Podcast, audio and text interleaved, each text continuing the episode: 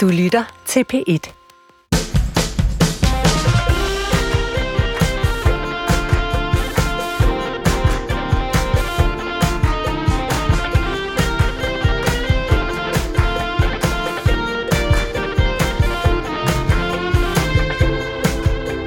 Du lytter til en highlight special af Ugen Forfra. Her får du et mix af historier fra tidligere programmer, hvor Huxi Bak og Amanita Amanda Kåre har forskellige gæster på besøg for at hjælpe med at give ugen nye overskrifter. I de næste to timer skal vi blandt andre høre om Lisette Rigsgaard og MeToo, om grænsen for abort og om hvor meget staten skal blande sig i skilsmisser. Jim Lyngvild gæstede efter sommerferien ugen forfra. Her blev der blandt andet samlet op på sagen om Lisette Rigsgaard og krænkende adfærd. Hør her, hvad Jim Lyngvild mente om den sag. Men når vi nu er ved sager, vi holder øje med, så skal vi samle op på en sag, som eksploderede. Det er ikke for meget sagt. Øh, lige op til 1. maj, slutningen af april, øh, dukker det op. Jeg kan huske, at det, jeg tror, det var, har været en fredag formiddag, eller sådan noget. Pludselig står det i avisen, at øh, formand for øh, fagforeningens hovedorganisation, Lisette Rigsgaard, har været Grabby. Lidt for langt fremme med nejlakken. grabby. Ja. Det er, det er vist ikke det der, det er vist ikke et fagudtryk, men lad os, lad os sige det. Jeg synes, det er dækker. Er det det, der står i advokatundersøgelsen? Det tror jeg, det Hun har været lige lovligt grabby. Det er grabby. Det er i hvert fald det, er i hvert fald det der er humlen. Øhm, det kom frem, at hun i 25 tilfælde var anklaget for krænkende adfærd. Øhm, og så øh, gik hun ganske hurtigt derefter, skrev et, øh, et øh, tårvedet opslag, langt opslag på Facebook, gik af som øh, formand for FH, og så blev der sådan øh, stort set lagt låg på, om man ville nu lave en igen uvildig undersøgelse. Det skulle undersøges til bunds, det hele skulle vendes, og advokater var på sagen. Øhm, den er så kommet, starten af den her uge, og øh, ja, sidste uge, tror jeg. Det var, det var også ligegyldigt. Øhm, den konkluderer ganske kort, der er tre sager, hvor man kan påvise beyond reasonable doubt, som de siger, øh, at øh, hun har græmset på nogen, som de øh, har, har sagt. Men der er ingen ulovlig adfærd. Blot er der udvist fra Lisette Rigsgaards side dårlig dømmekraft. Den øvrige ledelse får, siger de i hvert fald selv, ingen kritik, det vender vi tilbage til om et sekund, og øh, FH har ikke tænkt sig at foretage sig videre i sagen. Så er der lige et par ting, vi lige skal, skal vende. Øh, lige om lidt skal vi lige vende, at Lisette Rigsgaard så efter den her advokatundersøgelse er kommet frem siger, at ja, ja, og jeg var i affekt. Ja, det er faktisk overhovedet ikke mig, der har skrevet det der Facebook-opslag. Jeg var rasende, men der var nogen, der, der skrev det, og så kom jeg til at sige, ja, læg bare et eller andet op. Jeg var ked af det. Det kan man måske godt forstå. Mm. Men lad os lige dvæle ved det første punkt, nemlig at ledelsen, den anden, resten af ledelsen, alle de andre i FH, ledelseslaget, de øh, mener selv at være frikendt. Og de holdt et pressemøde, hvor de fr- fremlagde det her. Øhm, og der er der så et øh, begavet menneske, som arbejder på BT, Andreas Østergaard. Andreas Østergaard, som lige godt vil stille et spørgsmål. Og vi tager lige spørgsmålet i sin helhed. Det var cirka et minut, men det er fordi... Og jeg opfordrer til, at man tager skoene af. ja. Fordi ens tæer, de kan komme til at ligge det, man kalder dobbelt her. ja. Så hvis man er i en stram tøffel, af med dem. Hmm. Der kommer et klip her. Selvom I selv siger, at I er blevet frifundet, så, så står der i resuméet her øh, for eksempel, at en tidligere aktiv i et fagforbund har oplyst, at han eller hun har haft dialog med flere nuværende medlemmer af forretningsudvalget om Lisette Rigsgaards krænkende adfærd. Er, er du en af dem, Morten Skov? Jeg sender lige spørgsmålet videre til Elisa. Det er sådan, at øh, ja, det er rigtigt, at der, har, øh, der er flere steder, øh, også i rapporten, hvor der har været øh, divergerende øh, holdninger til, hvad der er sket på hvilke tidspunkter.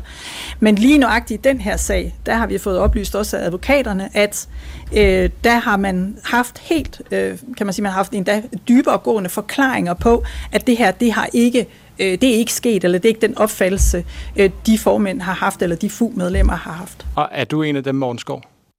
Jeg kan ikke svare på det mere præcist, end det, som øh, Elisa har svaret. Men, men der er jo blevet, altså du må, hvis, hvis du er en af dem, så må du have svaret på, om du har haft den dialog med det tidligere medlem af et fagforbund. Jeg kan ikke svare på det mere, end det, jeg allerede har svaret, og det, som Elisa har svaret. Men, men ved du godt, om, om du er en af dem? Uanset hvor mange gange du spørger, øh, og selvom du bliver kreativ i dine spørgsmål, så kommer jeg ikke til at svare på det. Okay. Er det dig, eller er det ikke dig, Morten? Det er et spørgsmål, vil jeg gerne sende videre. Jeg kan, det kan jeg ikke svare på. Det er altså meget stærkt, det her, synes jeg. Jeg har frikendt mig selv, men det er ikke mig. Jeg, har ikke, jeg har ikke yderligere kommentarer. Jeg har ikke udelukket. Jamen, det er virkelig det er fantastisk. Ja. minut, det her. Han kan ikke, han kan ikke svare på, om, om det er ham. Er det dig? Ja eller nej? Det kan jeg ikke svare på. Det kan Elisa, som Elisa? står her ved siden af mig, som ikke er mig, det kan hun bedre svare på. Men det er jo egentlig pudsigt, fordi man kan jo bare sige, ja, det er mig, men jeg er jo blevet frikendt. Så der er jo ikke Ja, noget i det, historien. det kunne man nemt sagtens. Men frikendt Altså- er også et ord, de selv har... Det, har, står det er deres ikke- egen analyse af rapporten. Ah, det er frit og regler, ja, det der. Ja, Tolkningen er, at vi er frikendt. Ja. Som vi læser rapporten, er vi frikendt. Ja. Og Det er jeg en, ved, en følelse. og når du spørger mig, om, også- om, om jeg vidste noget om det her, så, så svarer Elisa, som det kan jeg ikke. Det ved jeg ikke, om jeg kan svare på. Er det ikke lidt når, som når, hvad hedder det, statsministeren siger, men der er ikke noget om den her mink-sag. Der er ikke noget om den. Ah, det er vist nogle jurister, der skal afgøre det. Jamen, der er ikke noget om den. Altså, du kan jo ikke stå og... Hvorfor spørger jeg om sådan noget, vi er faktisk midt i en krise? Ja, ja. Der er krig og Ukraine. Ja. Og Og- min, min kat har brækket poten, så hvis, I, så hvis I gider komme videre, så vil jeg sætte stor pris på det. Ja. Tag jer nu sammen. Hvor våger I? Hvad var det, Lars Løkke sagde? Står I der Ja. og spørger Det her om er det? pinligt, Mens et jeg holdt- pinligt øjeblik for den danske presse. Der er Stiller krig i. Ukraine. Jeg kan ikke... Nej, det var herligt. Ja. Det var herligt. Øhm, men skal vi lige... Jeg synes også bare lige, vi skal vende, fordi jeg synes, der er noget interessant ved... ved jeg vil lige ved at sige selve Lisette, det lyder forkert, men jeg kan ikke... Det her med, at hele ledelsen bare siger, vi har intet med det her at gøre, og at hun nu er ude og sige, prøv ja, det altså, hun siger jo, jeg føler ikke, at jeg har øh, un, haft nogen seksuel øh, undertone ved at tage nogen på røven. Hun, er, hun anerkender vist, at hun har klasket nogen i rumpetten og sådan noget, men ikke, jeg tror, hun siger noget med, at hun har ikke haft nogen tanker om at hive dem ind på et kontor og smide dem på en sofa. Noget. Der var nogle lidt spøjse formuleringer. Ja, det er jo ikke engang, det er jo det, der, det er jo det, som bliver mærkeligt, ikke? Fordi det er jo sådan noget, jamen, har du gjort det her, Lisette? Jeg har aldrig skubbet nogen ind i et rum og gravet på. Jamen, det er jo ikke, det er heller ikke Det er ikke lige det, der var spørgsmålet. Der er ingen, der har sagt. Men du, du, der er masser, der har sagt, at du har græmset på dem. Det er igen sådan lidt mandrillenagtigt. Nej, jeg har ikke taget nogen ind på kontoret og haft seksuelle samleje med mig. Bare Tænkt på dem en- mit nægt en bananskørt. anden Det forbrydelse. Nej, nej, det har jeg ikke gjort. Men der, der, tror jeg, der tror jeg, det man kan udlede af det, det er, at hun jo også har været i FH længe, hvor de jo åbenbart lærer at svare på den der meget mystiske måde. Ja, og jeg synes også faktisk også, det skal høre med til historien, at hun jo ikke gik med det samme. Det så ud som om i ret lang tid, at Lisette Rigsgaard regnede med at overleve den her. Det er rigtigt. De sad ligesom alle sammen på hænderne, og så begyndte forbundene rundt omkring at vende stille og roligt. Men der var ikke- ikke... Elise Rimpler, som, Det, der er sjovt, eller det, der er mærkeligt, det er som jo nu står der nu. Men i, i de her sager her, MeToo-sager her, er jo, at en del af den danske DNA er, at vi er til julefrokoster, og vi klapper hinanden i numsen, og alt det der som seksuelle opbyggede, man går og kigger lidt på kollegerne en gang med, det får man ud i til en julefrokost. Og det har været den danske... Prøv at høre, vi har ordet juleleje. Det kommer fra vikingetiden. Det er noget, man gjorde dengang. Det er en, en del af den danske DNA, at til jul, der slipper vi simpelthen de her øh, øh, kræfter og lyster fri. Og det kan man altså ikke bare undertrykke ved, at der er nogen, der har sagt MeToo, me too. Øhm, og det er jo et problem med MeToo. Det er jo et problem, når en chef bruger sin magt til at påtvinge sig en eller anden seksuel opmærksomhed. Vi har bare altid haft det. Så det er meget, meget svært at komme af med. Og når vi altid har haft det, så er det en del af kulturen. Og så sidder der sikkert også rigtig, rigtig mange i den bestyrelse, som også lige, og de så det jo godt, og det var lidt sjovt. Og jeg har ed og sprøjt mig været til mange fester, hvor jeg, altså, jeg plejer at sige, at jeg krænker ikke nogen. Jeg krænker alle.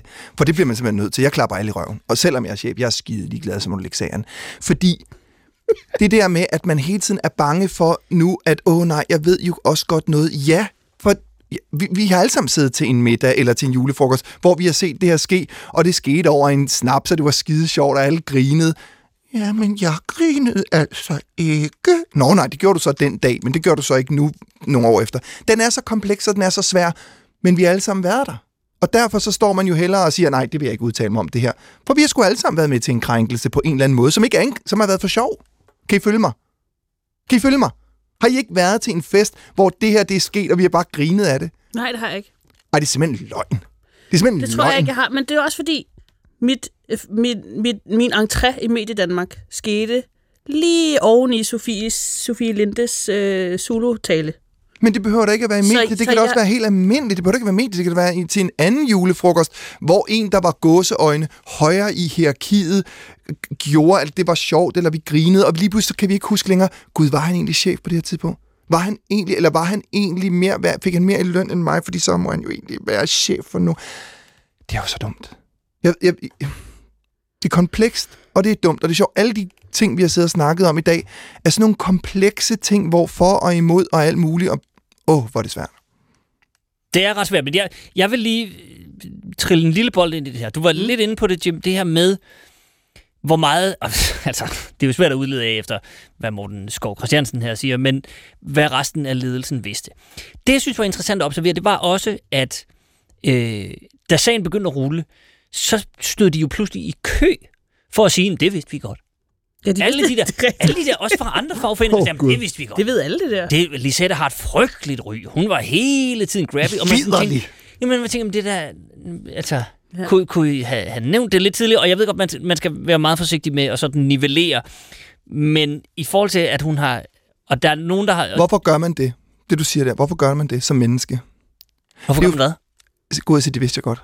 Det er jo for at bevise over for andre, at dit moralske kompas, det er simpelthen i orden, du. Jeg Ja, vidste nå, og det det, det er i virkeligheden det, jeg bare lige vil, vil, øh, vil anfægte en lille smule det her med, og jeg ved godt, du er lidt på vej i samme båd, men det, det er bare, at, at hun har jo heller ikke som øverste chef været pakket ind af en ledelse, som har tænkt, prøv at hvis, vi- hvis I har vidst det længe, hvis alle de her rygter er gået, og I selv har set det, og hun har klappet nogen i røven, og de har henvendt sig, hvorfor har I så ikke taget affære lidt tidligere? Hvis nu hun bare, som hun selv siger, er, ligesom Frank Jensen og alle de der sagde, så kan man så diskutere det. Jeg er bare en glad person. Og jeg kan godt, nogle gange, muligvis kan jeg ikke finde ud af det der med, at som øverste chefen, der skal du gå tidligere hjem fra, chefen, fra festen. Du skal ikke blive hængende. Fordi hvis der sker noget, så sker det her. Så kommer der nogen efter dig.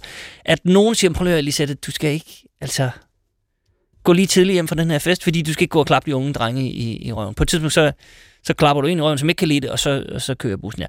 Hun har jo ikke været, men det har jo også været har ikke haft til lojale... hvad? Det har også været til, i under ikke-fest Ja, i nå, sammen. jamen, jamen, det er med på. Nå, men jeg, det, jeg siger ikke for at frikende noget som helst. Jeg siger bare for at, for at, jeg siger for at anfægte frikendelsen af den nuværende ledelse. Man siger, prøv at, altså hvis I skal have den her bæks til at køre, så skal I jo også tage hånd om sådan noget. Ligesom der, det har vi snakket om flere gange. Da Morten Østergaard gik og tog alle på lårene og var øh, efter alle i det radikale, ikke? at man ikke sagde til ham, prøv at høre, det dur ikke det der, men at man i stedet for ansatte fem mennesker, som gik i sådan en, en vognmur omkring ham, Ja. Til alle fester. For at undgå flagrende fingre. For at slå på hans arme, hver gang de stak ud fra... Ja. Altså, det jo håbløs håndtering. Men det var, og nu siger jeg det, en anden tid. Ja, det var det jo nok. Det var en anden tid. Og det er vi blevet klogere på. Så det er også derfor, det er jo i hovedet rystende dumt at sidde, og det vi ved i dag, eller ikke det vi ved, for det er jo et forkert ord, men den måde, vi agerer i dag på baggrund af, hvad der har været sket i MeToo-sagen, skal sidde og dømme, hvad der skete for 20 år siden. For det kan vi ikke, for det var en anden tid. Man gjorde tingene på en anden måde. Øhm, så, så det, det, det er så svært, men, men gud, hvor skal vi komme videre, og skal vi kigge fremad? Og selvfølgelig skal man ikke gøre det i fremtiden. Og jeg siger det bare, indtil man gør det igen. For der går altså lige 20 år, så vi er fuldstændig tilbage i kopirummet igen, alle sammen med chefer. I hørte det først fra Jim Lyngvild. Du var virkelig spokkonen. Ja, det Der, været med i dag. der er mange Det- citathatte. ja. Ja, Det er produktion. I kan bare skrive lokumsbogen allerede, du. kun er herligt. Okay. Men jo, jeg tror, da, jeg tror da også, at de fleste i, i løbet af de sidste tre år har haft samtaler med sådan, gud, kan I egentlig huske den der fest, vi holdt dengang? Det var, hvad lavede vi? Det var da helt, helt Der kan jeg sige, at nu har jeg øh, været i det her hus. øh, Jeg startede i det her hus for over 20 år siden, og der har jeg da været... Altså, der har sket ting herude, som Jo, hvor ikke, man, ikke tåler dagens lys. men hvor man Det grinte af det 100%. dengang, og man vidste da godt, det var sgu da lidt, men, men man grinte af det, fordi det var en anden tid. Det gør man Og ikke jeg, i jeg, dag. jeg vil så også sige, bare lige for, at det ikke var sådan, sådan afsindigt øh, krænkerland. Der var jo også, fordi der, der, det synes jeg også er sådan noget, man tænker tilbage på, der var også chefer, hvor det sådan, fordi det var ikke altid chefer, det kunne også være almindelige øh, medarbejdere, mm. hvor der skete noget til en fest, hvor, hvor alle var sådan enige om, okay, nu, der, det var fandme skørt det der. Det skal vi lige tage hånd om, det der. Det skal vi lige gøre noget ved. Det var, det, men nogle gange kan man få sådan et billede af, at en, det var en anden tid, og så var det bare lovløst land, og alle forlæmpede alle i bunker rundt omkring på kontorerne. Der blev jo også taget hånd om ting. Der, der var jo også gode og dårlige chefer dengang. Altså, det var jo ikke sådan...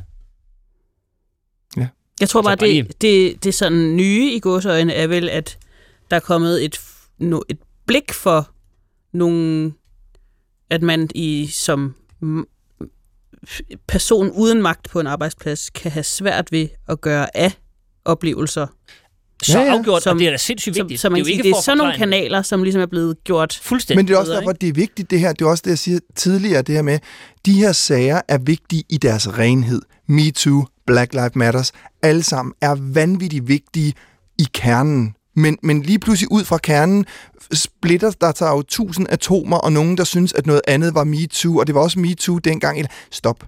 Ind til kernen. Hvad er det, der er problemet? Og det er et problem, hvis en Lisette Rigsgaard har brugt sin magt til en, øh, til en julefrokost. Det er ikke et problem, at nogen boller i øh, kopirummet. Det må de selv lægge råd med. Og det kunne rent faktisk også godt være, at dem, som Lisette gjorde det her med, godt kunne lide det. Og det var det, der var situationen med, med Cecilie Bæk, og den der unge mand, hun havde et eller andet med, der var vist nok et eller andet, havde de et forhold, og kunne han godt lide det, han gik ud og sagde, han var vist ikke krænket over det her.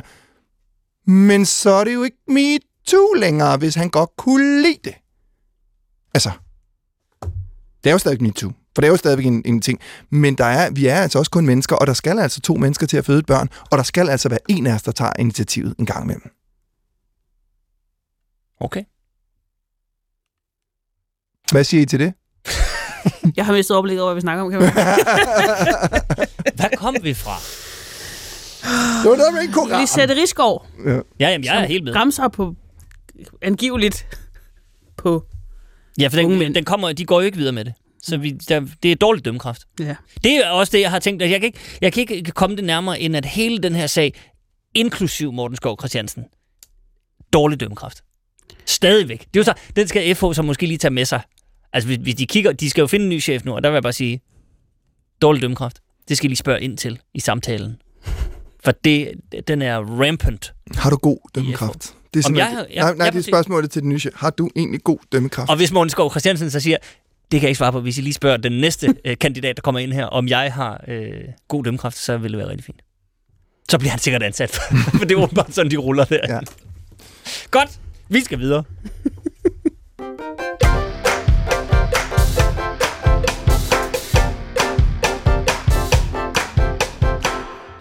Du lytter til en highlight special af ugen forfra. Næsten hver tredje barn oplever, at mor og far skal skilles, og det tal vil de konservative have nedbragt ved at afsætte 30 millioner kroner til rådgivning. Lyt med og hør, hvad Pilo Asbæk mente om dette forslag, da han gæstede programmet i september. Vi skal til en historie. Den Endelig. første, afhængig af, hvordan man tæller. Ja. Jeg vil lige sige, at det, det, det, jeg har helt glemt, hvad er det? P1, P4, P5? P1. P1. Kære lyttere, lad være med at holde det mod os. Vi gør det bedste, vi kan. Vi sidder her en lørdag og gør alt, hvad vi overhovedet kan for at underholde jer. Nyd kaffen. Nyd kaffen, nyd roen, nyd stillheden, nyd udsigten, solen Stilheden, den er slut. Ja. Ja. Den, den, kan du, den kan du godt lige skrive ud af ligningen, men, men, men ellers, så er det fint nok. Jeg elsker også, jeg har allerede inden for 20 minutter sagt, jeg skal lige sige en ting. Må jeg lige sige en ting? Jeg har lige noget, jeg gerne vil byde ind med. Lige et øjeblik, Husi. Hey, du skal lige høre det her. Ja, nu er vi klar. Nu er vi klar til at tale om, at konservative med 30 millioner kroner vil udbrede et tilbud om rådgivning til kriseramte par for at undgå skilsmisser. Danmark er det land i verden, hvor vi har 10. flest skilsmisser. Hver tredje barn oplever, at øh, forældrene går fra hinanden. Og vi ved jo bare, at det har konsekvenser for børnene. Vi kan se, at de ofte får problemer i skolen. Vi kan se unge, der mistrives i dag, i høj grad også hænger sammen med forældrenes skilsmisser. Så derfor har det en række afledte konsekvenser for os mennesker, når vores kærlighedsforhold øh, ender med at blive brudt op. Og derfor mener vi, det giver mening at investere i stærke familier. Vi konservative, vi ser familien som værende det allervigtigste fundament i vores samfund. Ja, det her det var konservativs med Abelgaard. Øh, det er et tilbud, wow, som vi ser allerede... faktisk nogle ret vilde ting. Jamen, du- Man, prøv lige at- du får lige, jeg, skal lige, jeg skal lige fortælle, hvad det er. Ja. Fordi det er et tilbud, der findes i fire kommuner. Det hedder allerede. Det ja. hedder Vores Parforhold. Det er ud- udviklet af nogle forskere. Det vil sige, det eksisterer allerede. Det eksisterer allerede, men Det er kun i fire kommuner. Af, ja, det er en udvidelse af eksisterende. Husi, hvor mange tilbud. kommuner er der i Danmark? 98. Tak. Selv tak. I praksis er det så noget med, at man kan se nogle videoer og høre nogle podcasts. Og hvis man er et af de helt grælde par, kan man få noget rådgivning. Pilu Asbæk, du havde mange følelser, da vi spillede det. Nej, jamen, jeg, har jo, jeg, har jo, jeg er jo tydeligvis et menneske, der føler alt, alt, alt for meget. Altså, det er også det, alle instruktører, jeg arbejder sammen med, de siger altid, vi skal altid pille ned. Vi skal aldrig lægge til, når de arbejder sammen med mig. Må jeg sige noget sjovt? altså imens du... Bare lige, bare lige det, er, en- det er en lille ting til det, vi talte om før. Det er præcis det, man siger om uh, Rasmus Stocklund i Socialdemokratiet. I kid you not. han, skal lægge, han skal pille til. Nej, prøv lige at høre her. Der er en historie om, og det er et, et øh, Stakkels mand. at Mette hvad- Frederiksen, han jo bare når, der, når der er gruppemøder i Socialdemokratiet, så siger, de, så siger hun sådan, prøv at høre, at at der har været sådan en tendens til, at vi skal lige rykke en lille smule til højre, fordi det, det er bedst. Rasmus, du skal rykke lidt til venstre. Jeg siger ingenting. Den er, Nej, det, det den er er for egen regning, Huxi. Jeg, Ja, er, det er jeg, det. jeg er blevet brændt barn, klog af skade, øh, udstødt afskum. Jeg følte bare, at det lige passede udstødt- ind hvad, jeg ved ikke, hvad er udstødt afskum? Det, Det, det til at finder vi ud af. Det er... Nå, nu skal du høre her. Jeg synes faktisk, det der kunne være ret interessant, det var at gennemgå Mettes udsagn, sætning for sætning, fordi jeg tænker altid, hvis jeg var skuespiller, og jeg skulle sige det her, hvor kommer jeg fra? Hvad vil jeg? Og hvor skal jeg hen? Mette, hun kommer fra, at hun skal forsvare socialdemokrat... Nej, undskyld, konservativ politik. Mm. Hvad vil hun? Hun skal præsen- faktisk præs- præsentere det. Altså, det er jo hendes egen idé. Ja. Ja. Jeg altså, Så hun er meget vild med det, hun skal Nej, men snakke prøv, om. jeg synes, det er fedt, at der er nogen, der bringer noget nyt til banen. Mm. Altså, det kan jeg godt lide, men som udgangspunkt, så... Hvor fanden står jeg med det her? Altså, er det helt absurd, hvis jeg siger, hellere barn er en lykkelig skilsmisse, end et ulykkeligt ægteskab? Det er ikke vanvittigt, at du siger det. Øh, det er lidt langt fra konservativs politik, i og med, at de jo, øh, det hele handler om at bevare ægteskabet. Jo, men nu siger hun jo, at Danmark var det tiende det, det tiende mest skilte land. Skilte land. Ja. Jeg ved ikke, om man kan Ja. sige det. Ja. Og jeg ved tilfældigvis, at gennemsnittet ligger omkring 44 procent af alle ægteskaber Ja. ender i skilsmisse. Jeg vil så gerne se en statistik på, at hvor mange af de skilsmisser, der ender, eller hvor mange af de ægteskaber, der ender med skilsmisse, hvor der er børn involveret, fordi børn er kilden til alt ondt. Nej, det sagde jeg ikke, men det var også for sjovt. Det er satirisk, det her, venner. Det var satire. Det var mit forsøg på at være satirisk. Det er derfor, jeg holder mig for humor og alt andet underholdende. Øhm, jeg skulle lave en serie om det faktisk, der handler om skilsmisse, fordi jeg synes, det er noget, der ligger mig på sinde, fordi jeg selv er et barn af et ægteskab, hvor at man, øh, der var højt til loftet, men der blev også diskuteret. Der var både flyvende briller og flyvende tallerkener. Øh, ikke så mange flyvende tæpper, desværre. Øhm, meget passioneret, meget øh, energirigt hjem, barndomshjem. Der var mange Mm. oplevelser af, af sjove, underholdende øhm, ja, øjeblikke. Øhm, og jeg har nogle gange spurgt min mor og far, hvorfor at de egentlig ikke blev skilt. Og de arbejder sammen. De har, de har skabt et galleri, der hedder Galleri Asbæk, som var en kæmpe kulturinstitution igennem sådan noget 20, 30, 40 år. Og det var fordi min mor et eller andet sted elsker min far, og min far et eller andet sted elsker min mor. Men også fordi, altså den kærlighed, de har er fundamental, fordi de har været sammen siden 20'erne, og de har holdt sammen, og de har arbejdet sammen. Men også fordi min mor er katolik. Og at hun er opdraget på 11, 11 forskellige katolske kostskoler fra 4 til hun er 18 år. Og at det at blive skilt var så fjernt fra hende, at der smører man simpelthen ærmerne op, og der kæmper man for et ægteskab. Og det kan være, at vi i vores generation kæmper mere, mindre for ægteskabet. Jeg ved det ikke. Jeg ved bare, at jeg er taknemmelig for, at mine forældre er sammen, men jeg har også hørt på utrolig mange ting. Og mange voldsomheder. Men det tror jeg, alle hjem har. Øh, det klassisk konservativ politik er at øh, repræsentere de edle, noble, øh, noble dyder, såsom ægteskabet, konge, hus, fædreland, hvad fanden ved jeg? Det er Gud kongefædreland. Det er Gud, konge, Ja. fædreland, men jeg synes også hus. Husejer. Ja. Gud, husejer, dem- fædreland. Dem, dem er de med på. Ja. Husejerne, de er der også. Ja. Beskatning af husejer, nej tak. Øhm, jeg synes, at... Øh, jeg synes, vi kan tage alt med grænsalt, fordi øh, hun siger de grældeste eksempler. Mm. Men jeg tror, de grældeste eksempler har nogle, måske nogle problematikker, som stikker lidt dybere end et ægteskab, som det kan være, der er noget omkring det psykiske. Det skal jeg ikke kunne sige. Det kan være omkring det måde, vi har vores arbejdsmiljø. Jeg, jeg, jeg ved det ikke. Altså, jeg sidder og kigger på jer. Byd ind, venner. Jamen, jeg tror, øhm, det, hvis, jeg, hvis jeg skal sådan komme med min egen lille, min egen lille, hvad sådan noget, mit eget lille spørgsmålstegn til, den, til, den her, øh, til, til det her forslag, så er det jo, at korrelation er ikke altid kausalitet. Uha. Ja, det vil sige, at der er nogle børn, der har det svært i forbindelse med, at deres forældre bliver skilt. Det er jo ikke nødvendigvis skilsmissen, der er årsagen, men måske et symptom på, at noget har været svært. Mm-hmm. Øhm, så det synes jeg måske også, man skal huske at forholde sig til. Ja.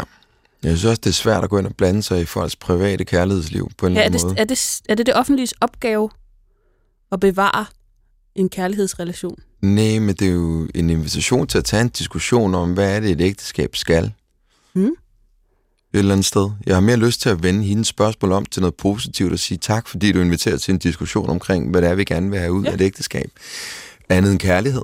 Øhm, jeg har været sammen med min hustru i 17 år, siden teaterskolen. Øh, han er bro. Jeg elsker hende. Vi skændes. Men jeg elsker hende. Fordi hun gør den verden, som jeg øh, er en del af, til et bedre liv. Øhm, og så sent som i morges, der fik jeg lov til at kramme hende, inden hun læste ud af sengen, og sagde, at jeg elskede hende. Og det synes jeg er noget af det smukkeste og dejligste, jeg kan få lov til at opleve. Øh, vi er heldige.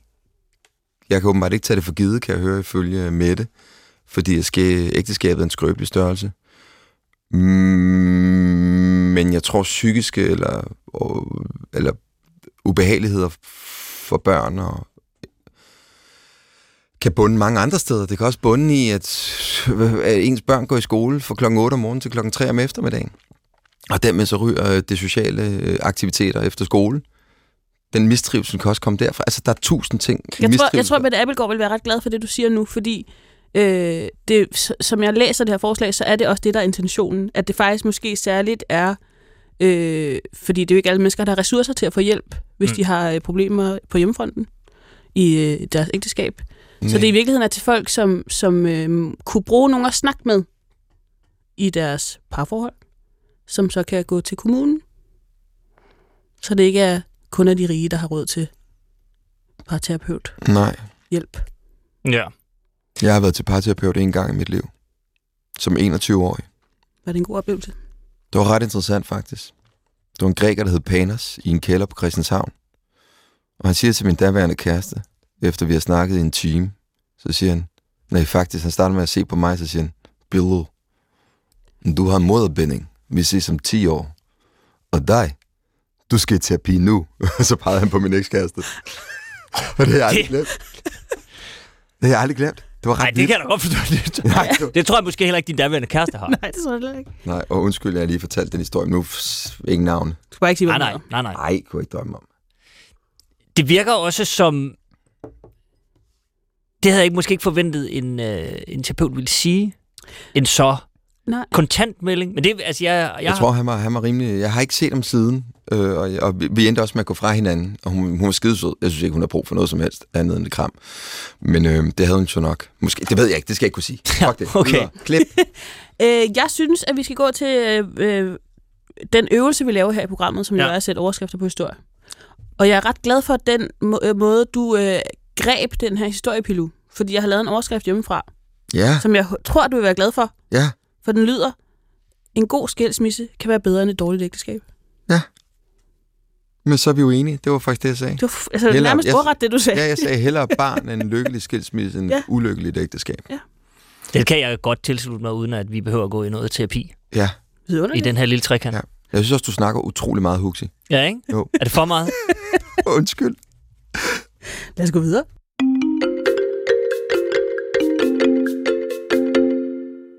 Du lytter til en highlight special af ugen forfra. Til folkemødet i sommer, der åbnede statsminister Mette Frederiksen for debatten om aktiv dødshjælp. Og ugen forfra havde på folkemødet besøg af Chris Bjergnes, der her delte sin holdning til det omdiskuterede emne. Til gengæld så skal man en gang imellem træffe en aktiv beslutning. Også om, hvordan man vil herfra. Det er jo noget øh, aktiv dødshjælp, som vi har diskuteret en del herhjemme øh, af flere omgange. Det er, sådan, det er sådan noget, der, en debat, der popper op en gang imellem, øh, også for år tilbage. Øh, men kan det, har det været torsdag? Torsdag eftermiddag på Ja. folkemødet? Det har været sådan indledningsagtigt, ikke? Ja, måske, Torsdag. eller, ja, torsdag, ja. Jeg tror, ja, det må have været i Mette Frederiksens åbningstale, ikke? Mm. Jo. Øh, åbner hun i hvert fald en dør på klem til, at man kan få lovliggjort øh, aktiv dødshjælp herhjemme. Det har været diskuteret flere gange, det har været op at vende i etisk råd, som overvejende er imod. Rådet var splittet, men man har sagt, at det, det, det kan blive en glidebane til nogle, til nogle ting, vi ikke er interesseret i. Men pludselig, og den, den var der sgu ikke rigtig nogen, der så komme. Det, var sådan, det var ikke et emne, som har rumsteret nogen steder, og, og ikke rigtig fyldt noget, og pludselig åbner hun for den øh, på folkemødet. Hvor står Dansk Folkeparti i, i, i forhold til aktiv dødshjælp? Ja. Altså det her, det er jo, altså grunden til, at vi diskuterer det på mange områder, er jo også en af de her borgerforslag, øh, som har været på området, mm. øh, som har samlet stemmer nok ind. Og øh, en af udlemperne med mange af de her borgerforslag, det har jo været, at øh, der er jo ikke nogen af dem, der bliver stemt igennem. Og det, det er jo også en demokratisk udfordring på mange områder, hvis man laver et borgerforslag og har en forestilling om, at det så bliver til konkret lovgivning. Men det kan starte en samfundsdebat, og så kan det så være med til at rykke tingene alligevel. Og, og det tror jeg er vigtigt at, at holde fast på, øh, når vi har mere at gøre med det her. Og, og det er det jo så også med, med aktiv dødshjælp her. Og øh, i Dansk Folkeparti er det sådan, at øh, det, er jo, det er jo et etisk de spørgsmål, hvor vi kommer til at sætte vores øh, gruppe fri, fordi det gør vi på de etiske spørgsmål. Øh, og vi havde faktisk øh, et øh, strategiseminar i sidste uge, hvor vi, øh, hvor vi havde det på, på dagsordenen. Og øh, jeg troede faktisk, det var, det var noget, vi øh, ret hurtigt øh, ville øh, komme over. Øh, det var et punkt, der startede, øh, og det kan jeg huske meget tydeligt, øh, øh, lidt i 8, og vi var færdige øh, øh, lidt over 10. Øh, så vi brugte lige over to timer øh, på at snakke og diskutere det. Og det var afgjort med flere længder det punkt, der tog længst tid. Men det er virkelig også et vigtigt punkt. Altså det er virkelig et afgørende punkt øh, på rigtig mange områder. Øhm, og, øh, og vores officielle holdning øh, kommer nok til at være, øh, at øh, vi går ind for det, men gruppen er jo stadig sat fri, fordi det er jo ikke let, og det er ikke lige til øh, på det her område, fordi det, det, det har jo virkelig store konsekvenser. Hvis, øh, altså man kan jo ikke rigtig fortryde det på mange områder, men der er jo nok nogen, der øh, som vi skal tage hensyn til. Nogle borgere, som er sårbare, øh, føler sig til besvær, øh, og dermed synes det, det er lettere, at de egentlig ikke er her mere, fordi de leder familie, venner øh, til last, eller samfundet øh, ikke rigtig føler, de slår til. Og de vil måske vælge den her udvej, som nok ikke vil være den rigtige for dem øh, og deres omgivelser. Så, så det, det, der er en problematik omkring det, vi skal prøve at tage hensyn til. Hvordan kan vi, øh, kan vi tage aktiv dødshjælp for dem, der, der virkelig ikke vil være en del af samfundet mere? Øh, øh, og, og, og, og selvfølgelig skal have den mulighed for så også at forlade samfundet på en værdig og ordentlig måde, samtidig med, at, øh, at vi passer på de sårbare borgere, som måske føler sig til besvær. Og den øh, debat, vi havde på vores gruppemøde, synes jeg var helt fantastisk. Det er noget, vi kommer til at have øh, i længere tid, og vi kommer også ud med et større sundhedsudspil øh, her øh, på den anden side af sommerferien, hvor, hvor det også er en del af det. Øh, fordi jeg tror, det er vigtigt, når man kigger på de her ting, at man man ikke bare øh, laver et hurtigt Facebook-opslag og hurtigt har en standpunkt, men det er noget, man virkelig diskuterer til bunds. Og øh, der har vi... Øh, der har vi en god øh, tradition med at tage de diskussioner og snakke øh, om det. Øh, og så er jeg glad for, at vi også øh, har det mod til at stille vores gruppe fri. Og det gør jo, at øh, der kommer til at være journalister, der, der kommer til at splitte den her øh, gruppe på syv mennesker, hvor der nok vil være øh, øh, et par stykker, der, der, der siger ja, et par stykker, der siger nej. Øhm, og, og så skaber de forvirring, og partiet er splittet, og alle de her ting. Øh, men, men, men det tror jeg også, der er i den danske befolkning. Folk er splittet, og jeg tror, det er vigtigt, at man hører de forskellige øh, for- og modargumenter, og anerkender øh, de forskellige argumenter. Fordi dem, der er modstandere i vores gruppe på det, øh, jeg anerkender til fulde deres argumenter. Øh, og, og heldigvis så accepterer, at de anerkender også øh, os, der, der, der, der går ind for det. Og det, det tror jeg er en sund øh, måde at gøre det på. Og egentlig er det jo faktisk, og derfor øh, egentlig synes jeg faktisk en stor ros til Mette Frederiksen for at tage det op øh, på sådan en folkemøde. Det synes jeg faktisk er et sted, hvor det også skal være, hvor man kan sænke skuldrene, og det er jo forhåbentlig også noget, øh, øh, dem, der har lyttet til talen, øh, snakker om. Nu snakker vi om det. Men at man lige får sat sig ned i, øh, i en sækkestol, eller, eller ved et øh, bord, og lige snakker om, hvad, hvad er egentlig din holdning til det, og, og hvorfor det ene, og hvorfor det andet. Øh, det tror jeg egentlig de øh, debatter, der er rigtig gode at tage. Øh, og der er et folkemøde og en sommer øh, tidspunkter, hvor, hvor det lige kan få lov at synke ned. Hvad, hvad er det helt præcis, vi mener ved det område? Så, så det synes jeg er rigtig godt. Ja. Altså, det er jo, selvfølgelig er det et, øh, døden er jo svær at håndtere, og især, altså, især for, for en politiker, så skal man ligesom sådan træde varsomt med det emne. Men jeg, jeg må sgu indrømme, jeg, jeg, jeg, jeg støtter det hele hjertet, og kan, jeg, nogle gange kan jeg have helt svært ved at se argumenterne imod, at man kan få lov til aktivt at sige, prøv at høre, nu er jeg i en situation, jeg, jeg forstår til fulde, at der selvfølgelig er nogle mennesker, vi skal passe på. Øh, øh, der er selvfølgelig nogen, hvor man vurderer, de er ikke i stand til at træffe en beslutning selv på, på et oplyst grundlag osv. osv. Og, og det skal jo ikke være sådan, at man bare... Øh, nogle gange kan det, kan det blive fremstillet som sådan, at så, så går du bare på apoteket ja. og kører sådan en farvel og tak-pille. Altså, det skal jo være efter grundige overvejelser, og, og, og nogle af de her hollandske forbilleder, hvor det er sådan, altså, man kan ikke bare køre ned, og så kommer der en hollænder og, og ordner det. Det er jo ligesom sådan, men, men, men det er vel også det, der er den politiske del af det, at man skal sige men så træffer vi en beslutning om, hvordan det skal være, og så skal der skabes nogle, nogle rammer, noget sikkerhed omkring det. Men, men altså, jeg kan næsten ikke...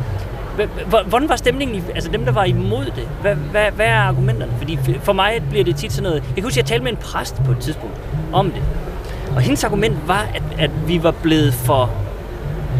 Nu, nu, nu forserer jeg jo lidt, og det, det må hun tilgive mig, men, men hendes argument var, at, at vi som samfund var blevet en lille smule for... Øh, for bange for smerte. Altså at det her med, at nogle gange så, så tilskriver skæbnen også, at der er noget lidelse i forbindelse med døden. Og det argument kunne simpelthen ikke... Jeg tænkte, altså, prøv at høre, vi har udviklet os teknologisk. Altså, hvis, vi kan, hvis man kan spare sig selv for at, øh, i de frygtelige tilfælde ligge som øh, altså, ukontaktbare grøntsager i overvis, altså, det er jo...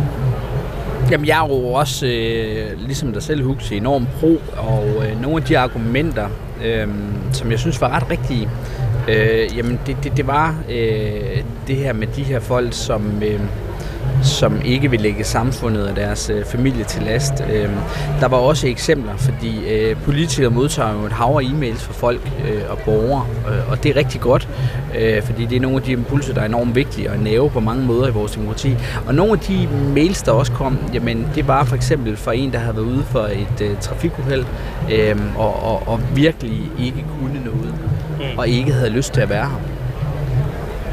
Og nu to år efter, havde det enormt godt. Var ikke fuldstændig velfungerende, men var rigtig glad for livet og ville det. Og, og, og, og den her person havde valgt noget andet for to år siden. Ikke? Og, og det her med, når du siger, men hvad er det for nogle rammer, vi skal sætte op, ligesom i Holland og sådan noget, så er det, vi også kaster et spørgsmål op, øh, jamen, hvordan skal vi gøre det sådan rent praktisk? Altså, hvordan er det, at det her det skal udforme sig? Og det, det, det kan vi ikke nødvendigvis svare på inde i lokalet. At det ved vi faktisk ikke. Og hvordan passer vi på de her borgere, som ikke vil træffe den rigtige beslutning lige nu her? Hvordan sikrer vi en karnsperiode? Hvordan sikrer vi de her ting? Og det, det er jo de snakke, man også skal have, at uh, hvordan er det, vi, vi prøver at skaffe det og finde ud af det. Og det kan godt være, at det ikke er, er syv politikere på Christiansborg uh, med et par ansatte, uh, som er nogle fandens kale, der kan finde frem til det. Det kan godt være, at vi skal tage nogle flere snakke med nogle læger, vi skal have nedsat en kommission. En kommission. det er jo så berømt. Uh, dødskommission. Men, dødskommission. Det kan, det kan altså også et eller andet. Det ja, ja, det, det er nødvendigvis ikke dårligt, men, men, men, men der er nok et eller andet i, i det, man også skal, skal prøve at finde ud af. Så en gang imellem, så, så kan det jo godt være, at det lyder rigtigt med det ene, men hvis man ikke har fundet ud af, hvordan man passer på noget andet, så, så, så er det måske bedre bare lige at, at træde lidt på bremsen. Men bliver det ikke lidt sådan, øh, der, der er noget med de her øh, tilbagevendende debatter, hvor der er et moralsk element, ja. som, som, øh, som strander samme sted hver gang. Altså vi, øh, med aktiv dødshjælp, så er der en person, som på et tidspunkt er stået i en position, hvor de kunne have tilvalgt aktiv dødshjælp, som i dag har fået et rigtig godt liv og et eller andet. Ja. Der er en, en person, der siger, øh, jeg er stor fortaler for aktiv dødshjælp, fordi jeg står i en position, hvor jeg aktivt lige nu vil vælge det til. Og en, person, en anden person, som står i en lignende situation, som føler sig enormt øh, trådt på, fordi, jamen, hvorfor siger du, at mit liv ikke har værdi? Og, altså, så det bliver sådan en, øh, hvor øh, der er mange følelser i spil, der skal ikke særlig meget til, før nogen føler, at deres øh, egne livsvalg bliver taget op øh, til sådan en kollektiv vurdering, som jo ikke nok er særlig rart. Øh, man kan sammenligne det også med sådan noget øh, altså abortdebat. Øh, altså argumentet med, at øh, den person, som fik et godt liv efterfølgende, øh, det er sådan lidt det samme som sådan, jeg, jeg overvejede også engang en abort, men så fik jeg nogle børn, som jeg i dag er glad for. Altså du ved, det er sådan, det bliver sådan det, det individuelle, øh, anekdotiske eksempel følelser, som i virkeligheden ender med at kortslutte debatten, ikke? Jo, Jamen, det, det har du ret i, og, og det er jo det, der er svært ved etiske og moralske debatter. Jamen, det, det er jo, at, øh, at, at, at det bliver enormt personligt og, og det er så afgørende, øh, altså livsafgørende, øh, de her beslutninger. Det jeg er meget optaget af, øh, sådan generelt øh, politisk, men det er jo det frie valg. Øh, Øh, at borgerne har så mange muligheder for at, at træffe et frit valg. Øhm, det, det, den mulighed øh, skal jo også være der i den sidste ende med, med livet. Det er jo det ultimative, og om man har lyst til at være her eller ej. Og, og jeg tror, at vi kigger ind i, at vi kommer til at have enormt mange mennesker, som kommer til at have ondt i livet øh, af mange forskellige grunde. Vi snakker om arbejdsmarkedet før, stresset, øh, masse unge mennesker. Altså, hvad, hvad stiller vi op med en masse unge mennesker, der har enormt unge i? Skal de have den mulighed? Altså, hvad er det for nogle snakke, de skal igennem? Ikke? Øh, så, så, Men skal man ikke passe på med at gå ned ad den sti, hvis man, hvis man starter en argumentationsrække, der hedder, at, at der, er nogle, der er mistrivsel blandt unge, nu sker Ja. jeg den lige groft op, så må du Ja, stoppe men det mig, hvis fint. det bliver. Men hvis vi siger, at der, er- der er børn, der mistrives i skolen, der er unge, der er stressede, og det, det ene og det andet, og vi kan se, at de får det værre og værre, det er der jo desværre statistikker, der siger. ja. Men i stedet for at sætte ind over for det, så nægter vi dem bare retten til at tage sig selv af dag. Altså, så, så det bliver det jo sådan... Det er en mærkelig måde at hjælpe på. Så kan man sige, prøv at, altså, man, man, måske skulle man hellere sige, at vi, vi, vi vil give folk ret til at være herre over egen skæbne, men vi skal selvfølgelig hjælpe dem ud af mistrivsel. Vi skal selvfølgelig gøre alt for, at de kan lykkes i deres liv, og så videre, og så videre, og så videre. Og også dem, som går overvejende nu, skal selvfølgelig øh, altså hjælpes og have samtaler og sige, prøv at høre, der er andre, der har haft det ligesom dig, og faktisk har et godt liv nu, og I skal informeres, og så videre, og så videre, ikke? Og det, og det, at det har du fuldstændig ret i, og det er jo, det er jo de snakke, vi skal have fundet ud af. Jamen, hvor, altså, når en person banker på døren, hvad er det for en dør, personen banker på for at bede om aktiv dødshjælp? Mm. Og hvad er det for et menneske, personen møder? Og hvad er det så for et apparat, der starter? Hvad er det for nogle samtaler, der starter? Hvor mange er det, der kommer? Ikke? Øhm, og og, og det, er jo- det, er jo, det er jo det, vi skal prøve at finde ud af. Og der har vi ikke svarene. Det er ikke nødvendigvis en kommission, men, men, men der skal i hvert fald nogle spillere på, på banen. Der skal nogle læger, der skal måske nogle præster på banen, der kan forklare om det. Øhm, at øh, det, det her, vi starter. Fordi der vil være folk, der banker på den dør, som ikke skal banke på den dør. Fordi de skal hjælpes på en anden måde, og der kan have været et system, der skulle hjælpe dem på, på, på, på, på nogle andre øh, tidligere stadier af deres liv. Øh, så, så det er jo det, vi skal prøve at finde ud af, hvordan, hvordan gør vi det her bedst muligt, og hvad er det så, der sker? Er det en pille? Er det en... Altså, hvad er det så, der kommer til at ske? Fordi det kan være enormt smukt at forlade livet med sin familie, og man kan styre det. Altså, det er jo en ultimativ øh, kontrol til sidst, ikke? Øhm, og, og, og, og det, det prøver jeg ligesom at, at binde mig selv op på, at vi skal nok finde vejen derhen. Men vi bliver også nødt til at have de her diskussioner om, hvad, hvad, hvad, er det for noget, øh, der er på vejen? Øh, Og hvad er det for nogle spørgsmål? Og jeg synes, det er uden sammenligning, men alligevel, nu kommer jeg jo med den, så, så det er jo en dårlig eksempel, men, men altså, vi har stadig svært ved, når nogen har været udsat for et overgreb eller en voldtægt, hvad er det for nogle spørgsmål, vi stiller de her sårbare personer? og hvilken store konsekvenser det har haft for de her personer. Det er godt nok også vigtigt, at vi ved, hvad er det for nogle spørgsmål, vi giver til de her personer, som ikke vil lide, eller måske bare træt af livet. Så der er virkelig nogle, nogle, nogle etiske og moralske ting, som man skal have. Jeg er uddannet faghandler, jeg aner der ikke en skid om det. Øh, De fleste politikere, de er jo selvfølgelig er uddannet på, på et eller andet universitet, og så er de havnet direkte på Christiansborg. Statskundskab. Statskundskab for eksempel. Det er der, ja, 170 der er. Altså, så det, det er jo helt klart noget, øh, som vi skal have nogle andre øh, på banen, og det, det, det er okay som politiker at sige, "Men jeg har ikke svarene på det hele, fordi ellers så bliver politik dumt. Altså, så er det, vi gør os selv dummere, end vi er, øh, og, og tror, vi er dygtigere, også en gang imellem, end vi reelt er. Øhm, og, og der skal man bare erkende, at øh, her går der nogle grænser for min viden. Øhm, Ja. Det tror jeg, man skal spille øh, åbent kort om. Som sådan øh, relativt professionel debattør vil jeg godt tillade mig at kalde mig selv. Kan Ja. jeg godt blive en lille smule bekymret for, at vi denne sommer skal debattere både abort og aktiv dødshjælp. Ja. Fordi begge har så stort anlæg til moralske glidebaneargumenter. Så jeg vil gerne, jeg har et spinkelt håb om, at vi kan undgå, at nogen nogensinde i løbet af det næste halve år siger, så vil folk jo bare begynde at få aborter til øst og vest. Eller, hvad skal vi så bare lade alle øh, unge mennesker slå sig selv ihjel, eller hvad? Det vil jeg bare gerne Siger, siger du dermed, at vi som befolkning øh, har et max på én besværlig øh, debat per sommer? Ja, når der er, når, med sådan et moralsk... Øh, Ja, hvad siger følge- jeg kan etisk følge- råd? jeg kan vi spørge følge- nogle præster, om de her unge kvinder kan tænke selv? Ellers, jeg, jeg, uh, det, Der skal jeg, være et kvotesystem på, hvor Ja, mange en af dem etiske råd, vi kan, vi kan rumme. Ligesom sådan, vi må have én debat ad gangen om, Ja. hvorvidt et eller andet børneslik må skifte navn på grund af noget med en indianer fjerprydelse, Ja, ja, klart. eller Præcis. Du ved, Jeg synes, ikke? en af de ting, altså, det, det er ret gangen. Jeg synes, interessant. ikke, jeg synes ikke, det er et dårligt takeaway fra det her. Det er noget Nej, men- konkret. Præcis. Ja. Godt. Opfordring til alle. Præcis. Jeg synes, det der er vigtigst i, i, i begge debatter, og, og for at være lidt i folkemødet, og nu hvor vi sidder hernede på en fantastisk havn i Mm. Altså det er jo virkelig, det summer af liv, der dufter pølser, og der er altså en festivalstemning uden lige. Og for at være lidt i Berlhorderson, så er det enormt vigtigt, at vi lytter til hinanden, anerkender hinandens synspunkter, og øh, det skal vi være bedre til. Og navnligt tror jeg, at vi skal være endnu skarpere på det, når de har de etiske og moralske dilemmaer. Der skal vi ikke pege fingre, vi skal ikke komme op i en skrigende tone, øh, grave os i forskellige skyttegrave. Der skal man virkelig sænke skuldrene og prøve at lytte og anerkende. Og jeg tror også, det er den eneste måde, vi kan rykke noget på den her dagsorden. Øhm, folk, der får skråsikker og for hurtigt på den, de, de, de har meget sjældent fat i den lange ende. Godt. Jamen, det forslag er vedtaget. Enstemmigt. Mm. Her i treenigheden. Fremragende.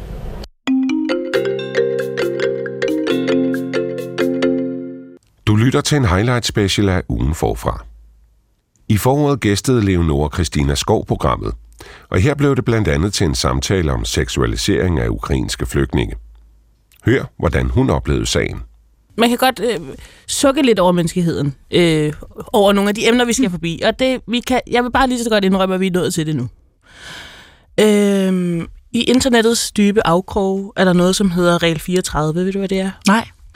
Det er, det beskriver, at hvis du kan forestille dig noget, noget som helst, så findes det i en pornoudgave. Okay. Øh, med andre ord, så er der lavet porno om alt i hele verden. og det tyder på, at den slags faktisk udvikles sådan rimelig meget i real tid.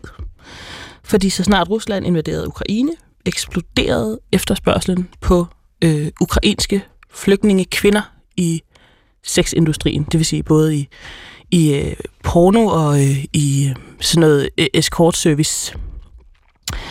Øhm, man kan sige, det- man, kan, man har kunne se det på, øh, på øh, søgninger her fra Vesten, øhm, hvor der jo altså har været, havde stor efterspørgsel på øh, ukrainske kvinder på flugt. Øh, det er også noget, markedet tilpasser sig.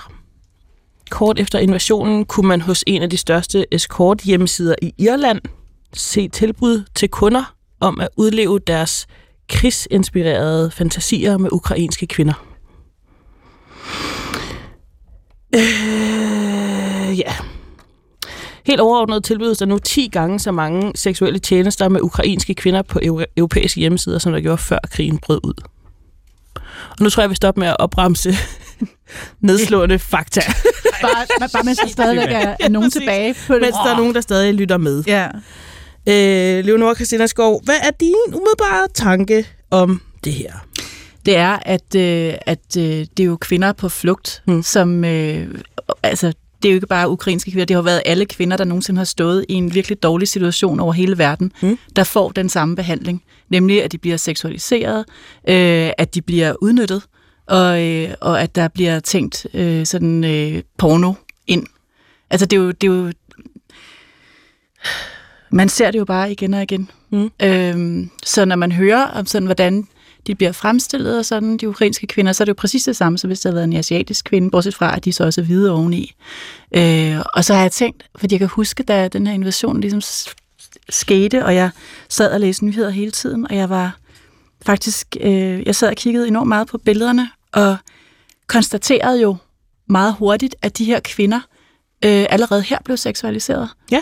i Hvordan, mediernes øh, fremstilling af dem, fordi de jo, altså, der er mange ukrainske kvinder, der er meget smukke, og det havde de her fotografer virkelig også blik for, skal jeg love for, i den måde, de øh, portrætterede dem på. Det var de smukkeste krigsflytninger, jeg længe har set. De kom der fra Ukraine i de der dage. Og jeg tænkte på, om Gavide og medierne egentlig var bevidste om, hvad de lavede der.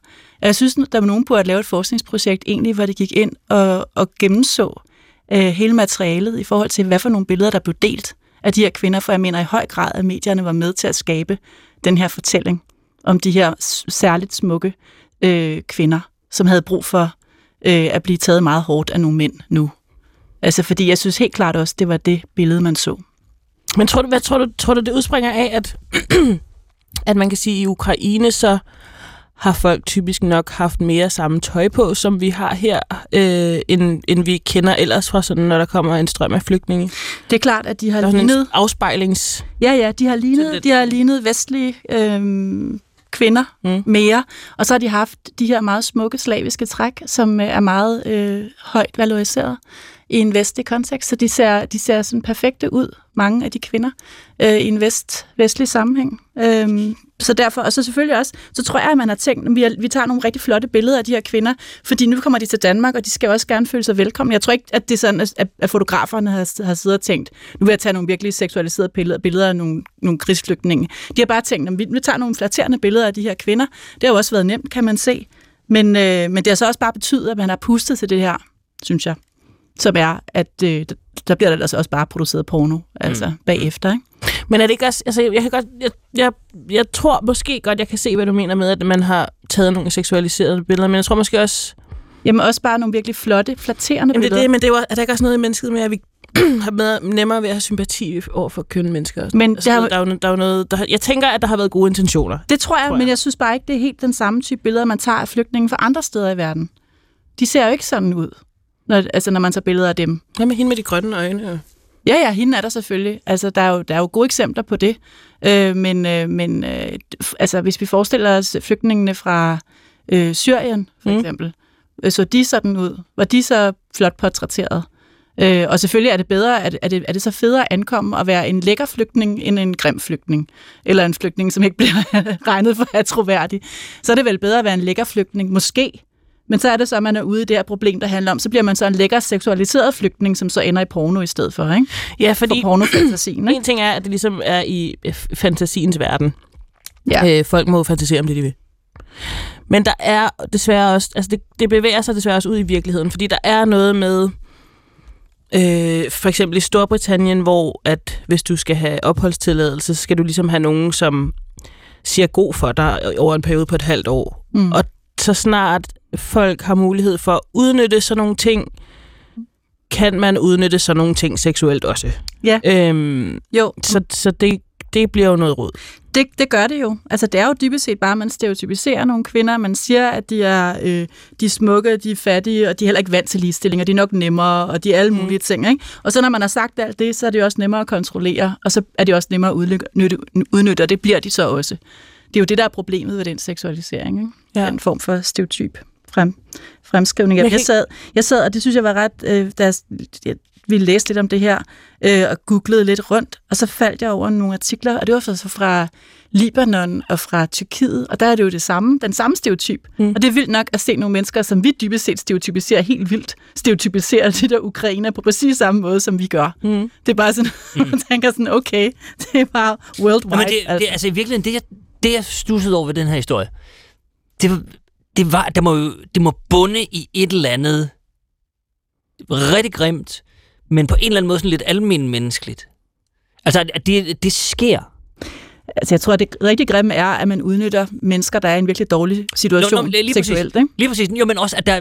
Og jeg, jeg ved sgu ikke, om der er sket en eller anden forrådelse, men nu, da du læste op, men altså ikke det Mm. der med, at være et menneske, som sidder på en eller anden nordirsk øh, eskortside, så kan man sige, når man, altså, øh, det er ikke ulovligt at fantasere, og, og øh, jeg, ved, jeg ved ikke lige, hvad... hvad Prostitution er jo heller ikke ulovligt Hva, her. i nej, nej, præcis. Og det er, så øh, kan man sige, at det er inden for lovens rammer osv. osv., osv. Men at være et menneske, som sidder og administrerer en hjemmeside. Nå, nu Mhm. mm. det, det, det, jeg skal lige skrive en billedtekst af det her. Har du lyst til at udleve din flygtninge fantasi krigs... Altså, hvad, så, er man- så er det menneske er jo et mærkeligt sted med sig selv, at man ikke stusser over, hvad fanden er det, jeg sidder og skriver? Men det menneske tilpasser sig jo også bare et marked, så det menneske er jo i alle, der er Præcis. på Nå, det marked. Nå, det, nå, det er det, jeg mener. Det er det, jeg mener. Men, men, men det er jo der, at der er sket et eller andet. Der, det, er Mm. der, kæde, altså, det er der, menneskeheden ser skidt ud. Det var det, vi egentlig Ja. Mm, at sige. ja. Menneskeheden ser skidt ud for enden af den her historie. Og Ja. det skal jeg da lige love for. Ja. Men jeg vi. tror, Nu skal jeg ikke det, sidde nu kunne man, nogen synes. Der er også noget ved, at når sådan en krig, øh, som vi i Ukraine sker, så er det kvinderne, der flygter.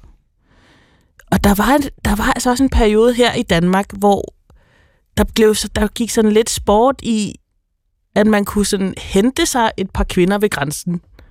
Og så kunne man lægge billeder op af det på sociale medier, og sådan, se, jeg har fundet mig to, som skal flytte ind i min... Og så kan jeg jo godt se, hvis man er ensom, at man kan tænke, det kunne da være så hyggeligt, hvis der flyttede sådan en yndig dame ind i mit hjem. Og jeg gør hende i dag en tjeneste. Og jeg gør hende en tjeneste. Og jeg, altså man, det er altruismen i mig. hoved tænker, det er Ja. win-win, det her. Ja. Ja. Og så på et tidspunkt, så Man synes selv, man er et ret godt tilbud, Ja. faktisk. og, altså, Det er der jo mange sårbare, man mennesker, sige, i- sårbare mennesker er nemme at udnytte. i historien, der synes, de var. Ja. Altså, ja. Præcis. Så man, Så det er man, bare mennesket. Jamen, det, var ja. det, det var det. så man ender i en Good lord. ja, hvor man også lidt, øh, man lidt synes, man har, man har gjort en god gerning, mm. mens man seksualiserer dem. Jeg synes, det var svært at prøve at knytte en- en overskrift til, men bare lige i forhold til det der, så jeg kom til at, jeg prøvede at knytte det til noget andet, der, er sådan, der kører lidt. Jeg tænkte, at søgehistorik understreger med al tydelighed, at mennesket bør overlade verden til kunstig intelligens. Ja. Det kan være, det er nu de der chatbots, de bare skal tage den, fordi vi er ikke i stand til at, at tænke fornuftige tanker. Nej, det er rigtigt. Men er der ingen af jer, der har tænkt på det der med, at, altså, hvordan de blev fremstillet? Nej. Nej, okay. Nej, det havde jeg faktisk heller ikke tænkt på. okay jeg synes, det var markant, må jeg sige. Altså en markant anden fremstilling øh, af de kvinder, end jeg nogensinde har set med nogen gruppe af flygtninge. Men det er fordi, jeg kan ikke komme i tanke om et eneste billede, jeg har set af en ukrainsk flygtningekvinde i en avis.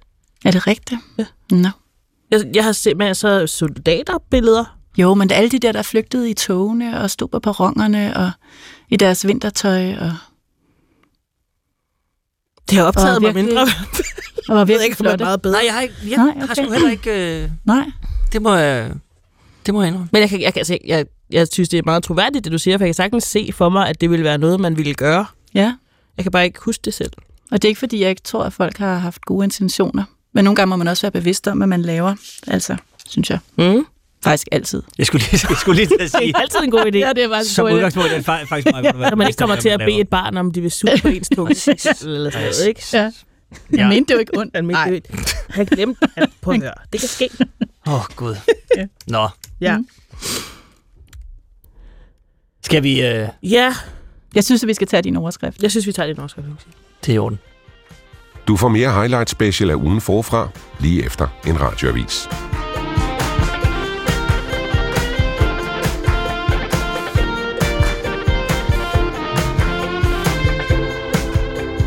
Du lytter til en highlight special af ugen forfra. Her får du et mix af historier fra tidligere programmer, hvor Huxi Bak og Amanita Amanda Kåre har forskellige gæster på besøg for at hjælpe med at give ugen nye overskrifter. I september der meldte Dansk Sprognævn ud, at de vil rense ud i kønnede ord. Fra 2024 kan man finde ordene bestyrelsesforkvinder og karrieremænd i retskrivningsordbogen. Hør, hvad Tommy Ahlers mente om ændringerne, da han dengang gæstede ugen forfra. Vi skal til Dansk Sprognævn, som vil rydde op i det danske sprog. Det er der i hvert fald en, øh, en række overskrifter, der har påstået i ugens løb. Øhm, Ja, det er vel der, vi er i ja, virkeligheden. ja, præcis. Fordi spørgsmålet er egentlig, om de vil det. Ja. Øhm, det drejer sig om, at de, vil, de har gennemgået alle de kønnede ord. Ord, der ender på kvinde eller på mand. Øh, afholdsmand, bestyrelsesformand. Og så har de lige gennemgået, om ordbogen ligesom skal omfavne en, en modsat pangdang. Der er også nogle små elementer af, at ordet fjante, for eksempel, ikke længere forklares med, at det er noget piger gør, men det er noget børn gør. Øhm, der er et, et eksempel, som bliver brugt i politikken på et ord, der vil fremstå, eller der vil være i, i, i retskrivningsordbogen fra 2024, er ordet karrieremand. Tommy, ellers har du nogle følelser i det her? Karrieremanden, eller? Karrieremanden, ja. Jamen, jeg, jeg har faktisk aldrig tænkt på, at det ord ikke fandtes. Men man kan jo godt høre det, når man nu hører Ja, når det man højt. hører det, så- så kan man godt, det fordi lidt- karrierekvinde bruger vi til at sige, at de fleste kvinder går ikke op i karriere, og derfor skal vi lige have et ord til det. Det er karrierekvinde. Ja. Men alle mænd går op i karriere, derfor har vi aldrig haft et ord for det. Præcis. Altså- det siger sig selv. Det siger sig selv. Det siger sig selv, men nu, øh, nu er mænd simpelthen begyndt at falde af på den, og derfor skal vi simpelthen have et ord for dem, der ikke falder af på den. Og karrieremand. Det synes jeg er en meget kontroversiel udtalelse, faktisk. at man falder af på den, hvis man ikke går op i sin karriere. Ja, ja. Øh, Arbejdsudbud. Et andet eksempel, som jeg faktisk ikke ved, om er omfattet af deres, øh, af deres øh, øvelse, fordi det sådan set ikke slutter på kvinde eller mand, men fra en lille teaser til senere er ordet familiefar. Ja. Kunne du se for dig, at nogen blev kaldt en familiemor? Ej, det er virkelig sjovt. Men det er jo det, der er med ord, ikke? Bare det, at du nævner det her. Og det er det, jeg synes er interessant ved den her diskussion. Hvor meget der egentlig ligger i, i, i ord, ikke? Og hvor meget, hvor meget sådan historie, kultur, det, det ved vi jo godt. Sprogforskere vil fortælle det der, men vi glemmer det bare lidt. og derfor, øh, derfor synes jeg faktisk, at det er ret sjovt at få de der diskussioner op, hvad der egentlig ligger i de der, i, i de der ord. Ikke? Ja. Jeg, fordi både, begge de der ord, jeg, jeg ikke skænket det en tanke.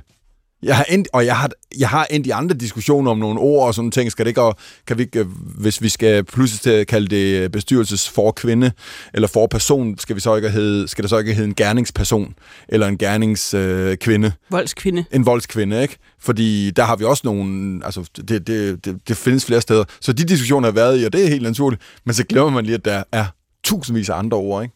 Altså- og, der, og derfor synes jeg, at det, jeg synes, det er interessant at, at have familie, fa, fa, familiemor. Ja. en familiemor. Fuck, hvor lyder det mærkeligt, ikke? Det gør det. Det er der ingen grund til at sige det. Alle møder der er familier. Eller familie, jeg går op i familien, men det gør far. Selvfølgelig gør de det. Det, Det skal de jo. det Det, det er jo deres job. Det er præcis. Altså, En mor. det, Det hedder bare en mor, Ja. ja. men en familiefar. det er virkelig sjovt. Ja. Hvorfor hedder det det? Det, det er underligt, at det ikke bare hedder far. Ja, Altså, hvad, præcis. hvad, hvad det tilføjer. Ja. Øhm, dansk sprog- sprognævn bliver ikke kun rost for den her øvelse, vil jeg sige. Nej. Øh, fordi der, man kan sige, tit bliver dansk sprognævn øh, kritiseret for at øh, opdatere øh, retskrivningsordbogen. Det er typisk af sådan nogle, jeg vil kalde det mennesker af ældre dato, som er trætte af, at noget, som de har lært, er ukorrekt, pludselig bliver noget, man godt kan sige. Ja. Et eksempel er bjørnetjeneste, yes. som kan jo altså, splitte famili- familier ad, hvis man den er jeg heller ikke bruger det med. forkert. Nej, jeg er heller Den er ikke. jeg heller ikke tosset Jeg er med. nemlig heller ikke tosset med den. Men det er Nej, mere men, fordi... men det er jo fordi, det er en betydning i det. Lige præcis. Det var noget, Det- og, det, det er og den, stammer, den stammer et sted. Vi kender den historie, den stammer fra, hvor manden, hvor bjørnen vil gøre manden en tjeneste ved at baske en bi af hans hoved, og så ender ja, med at dræbe ham. præcis. Ikke? Altså, det, vil- så er det mærkeligt pludselig at give den anden en kæmpe I- tjeneste, fordi det Nå, er et for- stort dyr. Ikke? Præcis, er. Nå, men fordi, og fordi det er den præcis modsatte betydning. Ja. At man tager betydning og vender 180 grader. Det, Og mig- det kan ikke. Mayonnaise, det kan staves på flere måder. Altså, det, har ikke, det er stadigvæk mayonnaise, ikke? Ja, ja jo jo. I, Altså-. I bevist lige begge to, at I er mennesker af ældre dato. Tæt på udløbsdato, var det det, du at sige? Fordi hele pointen med dansk sprognævn er netop ikke at holde en rettesnor, som sørger for, at sproget aldrig udvikler sig. Deres opgave er jo at opdatere, når sproget udvikler sig. Det vil sige, at de har en meget mindre korrigerende øh, rolle, end de har en øh, registrerende rolle. Det vil sige, det... Det plejer at være deres eget forsvar, ikke når de bliver... Åh, oh, du er, de er, bliver- mener du det? Var det dig, eller var det sprognævnet? Det er dansk sprognævn, der plejer, det plejer at være deres forsvar, når de bliver kritiseret for at have lavet noget om. Men du så synes de? Du er enig "Det med dem?" ikke. Jeg var enig med dem. Okay. Jeg var fuldstændig enig med, at det var deres opgave, og selvfølgelig, at sproget udvikler sig, og det er godt, sproget udvikler sig, alt det der. Indtil den her sag. Fordi ja. Dansk Sprognævn mener stadig, at det er det, de gør, og noget med videnskaben og sprog udvikler sig. Men i en sidebemærkning får øh, Margrethe Heidemann Andersen fra Dansk Sprognævn, seniorforsker, sagt, at det har jo også noget med FN's ligestillingsmål at gøre.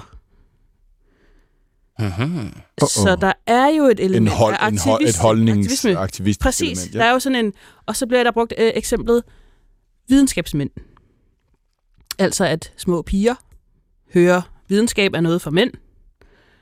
Øh, det er jo ikke kun med, med videnskabsmænd. Det, er, øh, altså i 2020 kom det frem, at dansk er et af de mest kønnede sprog. Vi har enormt mange sådan, Mm-hmm. særligt i erhvervslivet, øh, markører for, om det er kvinder eller mænd, der, mænd, der gør det ene og det andet. Så at det ligesom kan afholde nogen fra at søge, altså ligesom at drømme om et bestemt liv, de skal have. Altså en lille pige, der, der har svært ved at drømme om at skulle blive videnskabsmand. Ja. Øhm, men fordi det bliver erkendt, at øh, de tager højde for, at de skal, der er noget med FN's ligestillingsmål, og de vil gerne noget ligestilling, så erkender de også, at det er aktivisme. Og så er vi ude i, at så kunne de jo også godt rette den med bjørnetjenesten. Ja, til at holde fast i Ja. den samme betydning. Fordi så er får det de bare en refleksion. Ja, ja, præcis. Ja. Ja. Men, men jeg tror, jeg tror um, jeg, der var et øh, var den en ret spændende konference over i Sverige omkring øh, klima. Der var der en, øh, en, øh, en advokat, der snakkede om, hvad øh, hun har kørt mange sager mod nogle af de store olieselskaber og vundet dem øh, på vegne af enten noget originale folk, eller på vegne af nogle konkrete borgere i forhold til, hvad de har, hvordan de har smadret natur slags, øh, klima. Og, øh, og der sagde hun bare, at det var vildt, at man var lykkedes med, at for eksempel, når vi snakker klima, så hedder det, CO2 hedder ikke forurening, det hedder udledninger. Mm. Og det hedder ikke nogen, det, det snak, vi snak, og vi snakker om, vi lykkes med at kalde det klimaforandringer, som er noget, klima, vejret skifter altid, det ligger langt ud, jeg kan alligevel ikke gøre noget med det. Og det er bare nogle eksempler på nogle ord, fordi hvis vi nu konsekvent kalder det CO2-forurening, Mm. i stedet for CO2-udledninger, så ved jeg godt, at der, der forureneren betaler, og det har nogle konsekvenser, det må man ikke. Men fordi det her udledninger, så er det sådan noget, jeg kan ikke rigtig gøre for det. Det sker Nej, det er i hvert fald, der er i hvert fald der er noget neutralt i ordet udledning, og noget, noget mere negativt i ja. ordet forurening. Ikke? Og, og, og, og, og, og min pointe med det er, at, at i vores sprog er der hele tiden nogen, der har en interesse i at bruge nogle bestemte ord, Ja, ja, hvor de ja, enten betyder mere eller mindre end, end, end det alternative ord. Ikke?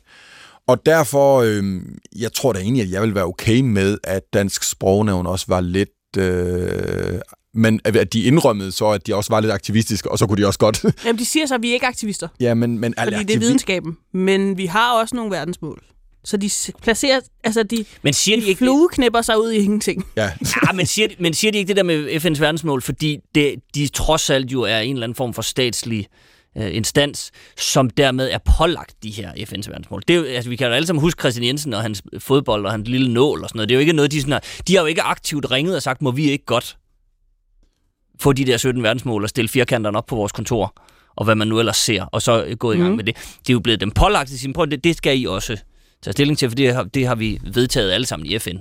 Det er muligt. Altså, så, men nå, men det er i bare så fald må man jo så man erkende så, ja, Gradbøje aktivismen en lille vi, smule. vi, vi, vi trækker i en retning. Jamen, og det, og det Ja. synes jeg godt, de må være ærlige omkring. Jamen, det, kan, man- det, er jo, det er jo det. Ja. Det kan man jo også synes. Synes Yes. du, det, det synes du er... Ja, jeg synes, jeg synes, du skal være meget bevidst. Alle dem, alle, uanset hvor du sidder, I, har jeres uh, platform, I spiller en rolle i forhold til at påvirke holdninger. Alle kan påvirke holdninger fra den platform, de har. Det kan Dansk Sprognævn også. Brug den, brug den fornuftigt. Det er ikke noget problem med, men indrøm også, at I, uh, I gør det i stedet for at være sådan nogle og i stedet for at være heldige omkring at sige, nej, vi reflekterer kun. Men hvem bestemmer, hvad der er fornuftigt? Jamen, det gør man jo. Fordi så, jeg vil bare sige, klip til næste år, hvor der står definitionen af en mand i den ordbog. Held og lykke. Held og lykke. Ja, kan jeg godt se. Men må de godt... Altså, nu, jeg tror faktisk, du, du ender faktisk lidt med at, at overbevise mig lidt om det kloge ved at kigge på nogle af vores ord med, med de der eksempler, ja. øh, der lige var på både karriere, kvinde, karriere, mand, familie, far, familie, mor. Mm. Øh, at... Og også videnskabsmand eksemplet, fordi mm. jeg er mand, og jeg altid synes, at øh, jeg synes, den verden, jeg er i, den nogle diskussioner, jeg er i, er om en eller anden, vi udpeger som formand i en bestyrelse, sidder i, skal være bestyrelsesmand, bestyrelsesforperson og bestyrelseskvinde. Altså, vi har aldrig haft en, en mand, vi kaldte kvinde, men vi har haft kvinder, vi kaldte mænd. Ikke? Mm.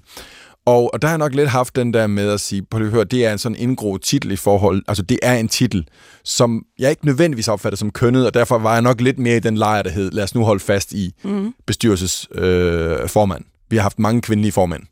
Altså det er et ord, det er ikke, lad nu være med at lægge for meget vægt i ordet mand. Men hvis, hvis det er sådan, fordi jeg ikke har prøvet at være en lille pige, men at en lille pige kigger på det endnu. det lød helt forkert også. Men, men, men, hvis man er en lille, hvis man sådan på en eller anden måde kunne dokumentere det på det Excel-ark, der siger, piger tror ikke, de kan være noget, hvis det indeholder ordet mand, eller det i hvert fald har mindre, det virker mindre opnåeligt for en pige at blive til noget, når der står mand. Og det allerede påvirker, for igen, hvis vi anerkender, at sproget har en stor påvirkning, så kan vi også godt have den, øh, ja. den, den diskussion omkring et ord som mand, øh, slutningen af et eller andet, kan godt sende et signal om, at det, ikke- det, kan, du ikke, øh, det kan du ikke blive. Altså jeg vil sige, hvis jeg tog en feministisk hat på, Ja. så, vil, så, vil, så vil man jo udpege dig som et privilegeret mandesvin, når du sidder og siger sådan der, Tommy Ahlers. Fordi grunden til, at du ikke har bemærket, grunden til, at du ikke har bemærket, at øh, ord, der ender på mand, det er jo fordi, det ikke påvirker dig. Nå, men, det, Fordi det, mand- det, mand er det, ligesom det, det, det prøvede jeg faktisk at være meget ærlig omkring og lige at indrømme, at det, Ja. har, ikke, øh, at det har ikke øh, påvirket mig, og derfor, men igen, fordi jeg er det her meget rummelige menneske, selvom jeg er et øh, mandsjuvenistisk, øh, hvad var jeg? Mande, mandesvin. Et mandesvin. Mandesvin. et, et antifeministisk mandesvin. Øh, så, øh, så er jeg faktisk øh, meget, meget åben over for at, at ændre holdninger på det her, fordi jeg er udmærket med på, at vi, vi har så mange ting, som er indgroet i vores kultur, som bare ikke, øh, hvad skal man sige, avler ligestilling. Mm. Må jeg sige avler? Det må godt. Ja, det må du godt. godt. Jeg, vil, jeg vil sige, i forhold til det her, jeg tror heldigvis, at det er en, altså det er jo en udvikling, det kan man jo også se, hvis man ser tilbage på den, mm. den sproglige udvikling, det kan vi jo ikke stoppe. Og jeg tror heller ikke, den her udvikling i forhold til mindre kønnede ord, det kan vi heller ikke stoppe. Så er det et spørgsmål om, hvor meget, om, om udviklingen skal accelereres fra dansk sprognævn, eller om det sådan kommer lige så stille af sig selv. Men jeg, jeg må sgu også sige, jeg, jeg, jeg, når du nævner de der eksempler med, sådan, at hvis man slår op et sted, altså, så står der sådan, pigerne fjanter, Mm. og, øh, men, altså, det havde jeg sagt, mænd kaster med økser. Altså, så, mm. så næsten så skarpt skåret er det. Og der er det jo meget interessant, når man har, jeg har jo to små børn, Mm. en dreng og en pige, hvor hurtigt det sådan går i forhold til øh, sådan titler, og hvad laver drenge, og hvad laver piger og sådan noget. Altså, hvor hurtigt man kan skubbe dem i en retning, bare ved, ved at det hedder noget. Så jeg, altså, jeg synes ikke det, jeg synes ikke, jeg synes, det, jeg, øh, jeg synes faktisk, øh, sprognævnet gør det øh, helt udmærket. Og at der er sådan en fli af, som man kan kalde aktivisme, det synes jeg er fint. Men der er jo altid nogen, der råber og skriger om, at nu, nu er det som om, at de er på barrikaderne, sprognævnet. Og det, der synes jeg simpelthen ikke, vi er. Altså, jeg synes langt hen ad vejen, de passer deres arbejde. Og så kan du godt råbe, at det er også FN's verdensmål, så ja, ja. Og så er det lidt, hver eneste gang, der har været noget med det her, var det ikke et eller andet? Hver gang der har været noget på det her område, med, som, går, som griber ind til sådan Vogue, så er det bare, så bliver det, så bliver det meget skarpt skåret med det samme. Ikke? Altså man, man kaster sig nærmest fråden over det og siger, nu, nu selv sprognævnet begyndt og sådan ting. Ikke? Og når man så Men det er jo fordi woke er blevet sådan et ord. Hvis det optræder i en sætning, så eksploderer alting. Altså, jeg har jo startet min journalistiske karriere på Berlingske, så jeg er jo, altså, hvis der er nogen, der siger noget woke, så begynder vi jo automatisk Der er at vel en- skrige og der rulle rulle lampe- på, der på gulvet. og Ja, Tom præcis. Jensen kommer løbende. Nej, Men, men, men, har, nogen, der sagde forperson. men hvor, hvor, hvor ligger du så? Har du, har du flyttet dig på den så? Øh, jamen, Eller var du ikke enig, dengang du var hos Berlinger? Øh, jamen, jeg er... Øh, jeg er meget... Jeg, jeg går meget lidt op i, om det hedder formand, eller forkvinde, eller forperson. Øh, I mit private liv synes jeg, det er meget sjovt sådan at lege med. Jeg går konsekvent og kalder det tømmerpersoner, for eksempel, i stedet for tømmermænd. Og, altså sådan, på ja, den ja, måde ja. synes jeg, det er sjovt at blive bevidst om, hvor meget man... Øh, eller hvor mange ord, som er enormt kønnet. Øhm, ja, så jeg forholder mig mest til det principielle i, hvad jeg synes, øh, dansk sprognævn skal spille for en rolle. Men jeg er fuldstændig ligeglad med, om alle begynder at sige øh, for kvinde. Så du, du tror ikke, hvis vi lige skal den, om jeg var en, en, en det der, du, du sagde, mande, privilegeret mandesvin. Pri- privilegeret mandesvin. Pri- privilegeret jeg, mandesvin. jeg synes ikke personligt, at du er et privilegeret Nej, det, mandesvin. det, det forstår jeg godt, men, men du synes heller ikke, at du bliver, øh, at du ikke anerkender, øh, altså hvis, har du et problem, du er kvinde, og dermed også været en lille pige engang, mm. antager jeg her. Det er korrekt. Øh, det er korrekt. Jamen, det, det kunne godt være, at, at det havde, ikke var startet der, men det er det så. Øh, men, men at, at, at øh, det der med en videnskabsmand mm. gør bare, at du det ser, virker bare lige lidt mindre. Det virker ikke umuligt, fordi du bliver klogere og klogere og forstår godt, at det ikke var kun mænd, der kunne blive det. det lad os sige, du forstår det som 10, i 10 års alderen, men da du hørte det som 6 år, hvor du begyndte at forme nogle, nogle holdninger, øh, vi er utrolig modtagelige som 6-årige, at der troede du ikke, at det kunne være en kvinde. Kan du følge den argumentation? Den kan jeg sagtens følge. Okay. Sagtens. Interessant. Og så Øh, er det jo også interessant at lave det om. Ja. Men jeg, jeg personligt synes jeg, at det skal ske organisk. For jeg Jeg- synes ikke, at sproget skal styres af nogen. Men så er vi vel Ah. tilbage til, til din egen definition af, hvad sprognævnet laver. Ja. Det er det, der er mit at- pointe, Huxi. Ja, godt, godt, godt. Nu forstår vi det. Nu forstår vi det. Godt. Nu kunne man få det til et kursus i argumentationsteknik. Jamen, jamen altså, okay. Nej, okay. Men har yes, du en overskrift, eller hvad? Og der vil jeg... Vi har bevæget os ud i et sprogligt minefelt, så jeg er meget spændt på, hvad der kommer nu. altså, jeg har et, en overskrift. Jeg har den med hjemmefra. Er det noget... Der kan jeg bare lige hurtigt spørge. Nu, nu er du også på BT. Mm. Går du BT på den her? Nej. Mand vælter på motorcykel. Familiefar. Nej, det gør jeg ikke. Okay. Øh, jeg har kaldt den øh, Dansk bliver smadret. Dansk Sprognævn øh, flueknipper ordet aktivist, aktivister. Vi er feminister. Udopstegn. Ja. Ikke? Fordi Da- FN's verden på...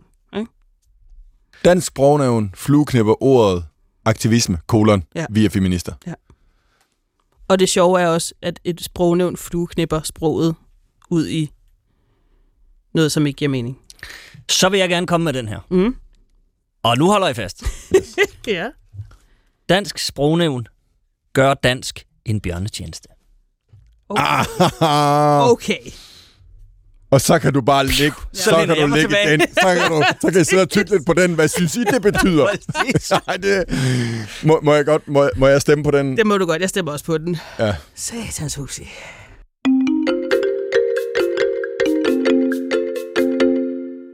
Du lytter til en highlight special af ugen forfra. Efter et flertal i etisk råd anbefalede at hæve abortgrænsen til 18. graviditetsuge, så kom der er der gang i debatten. Og i september var anne Sofia Hermansen gæst i ugen forfra. Hør her, hvad hun mente om at rykke grænsen for abort. Vi skal øh, tale om abort. Det etiske råd har i denne uge anbefalet at hæve grænsen for abort til 18. graviditetsuge. Og lad os lige høre et, øh, et lille klip med formanden for etisk råd. Han hedder Leif Vestergaard. Fremover bør grænsen for, hvornår man kan få fri abort i Danmark hæves til 18 uger. Det anbefaler et flertal i det etiske råd. De vigtigste argumenter, det er, at kvinden selv får øh, mulighed for at træffe den beslutning, om hun vil foretage en abort helt frem til 18. uge, at hun får god tid til at foretage sine overvejelser, øh, og at øh, man i øvrigt øh, får et set fra kvindens side bedre system til at fungere.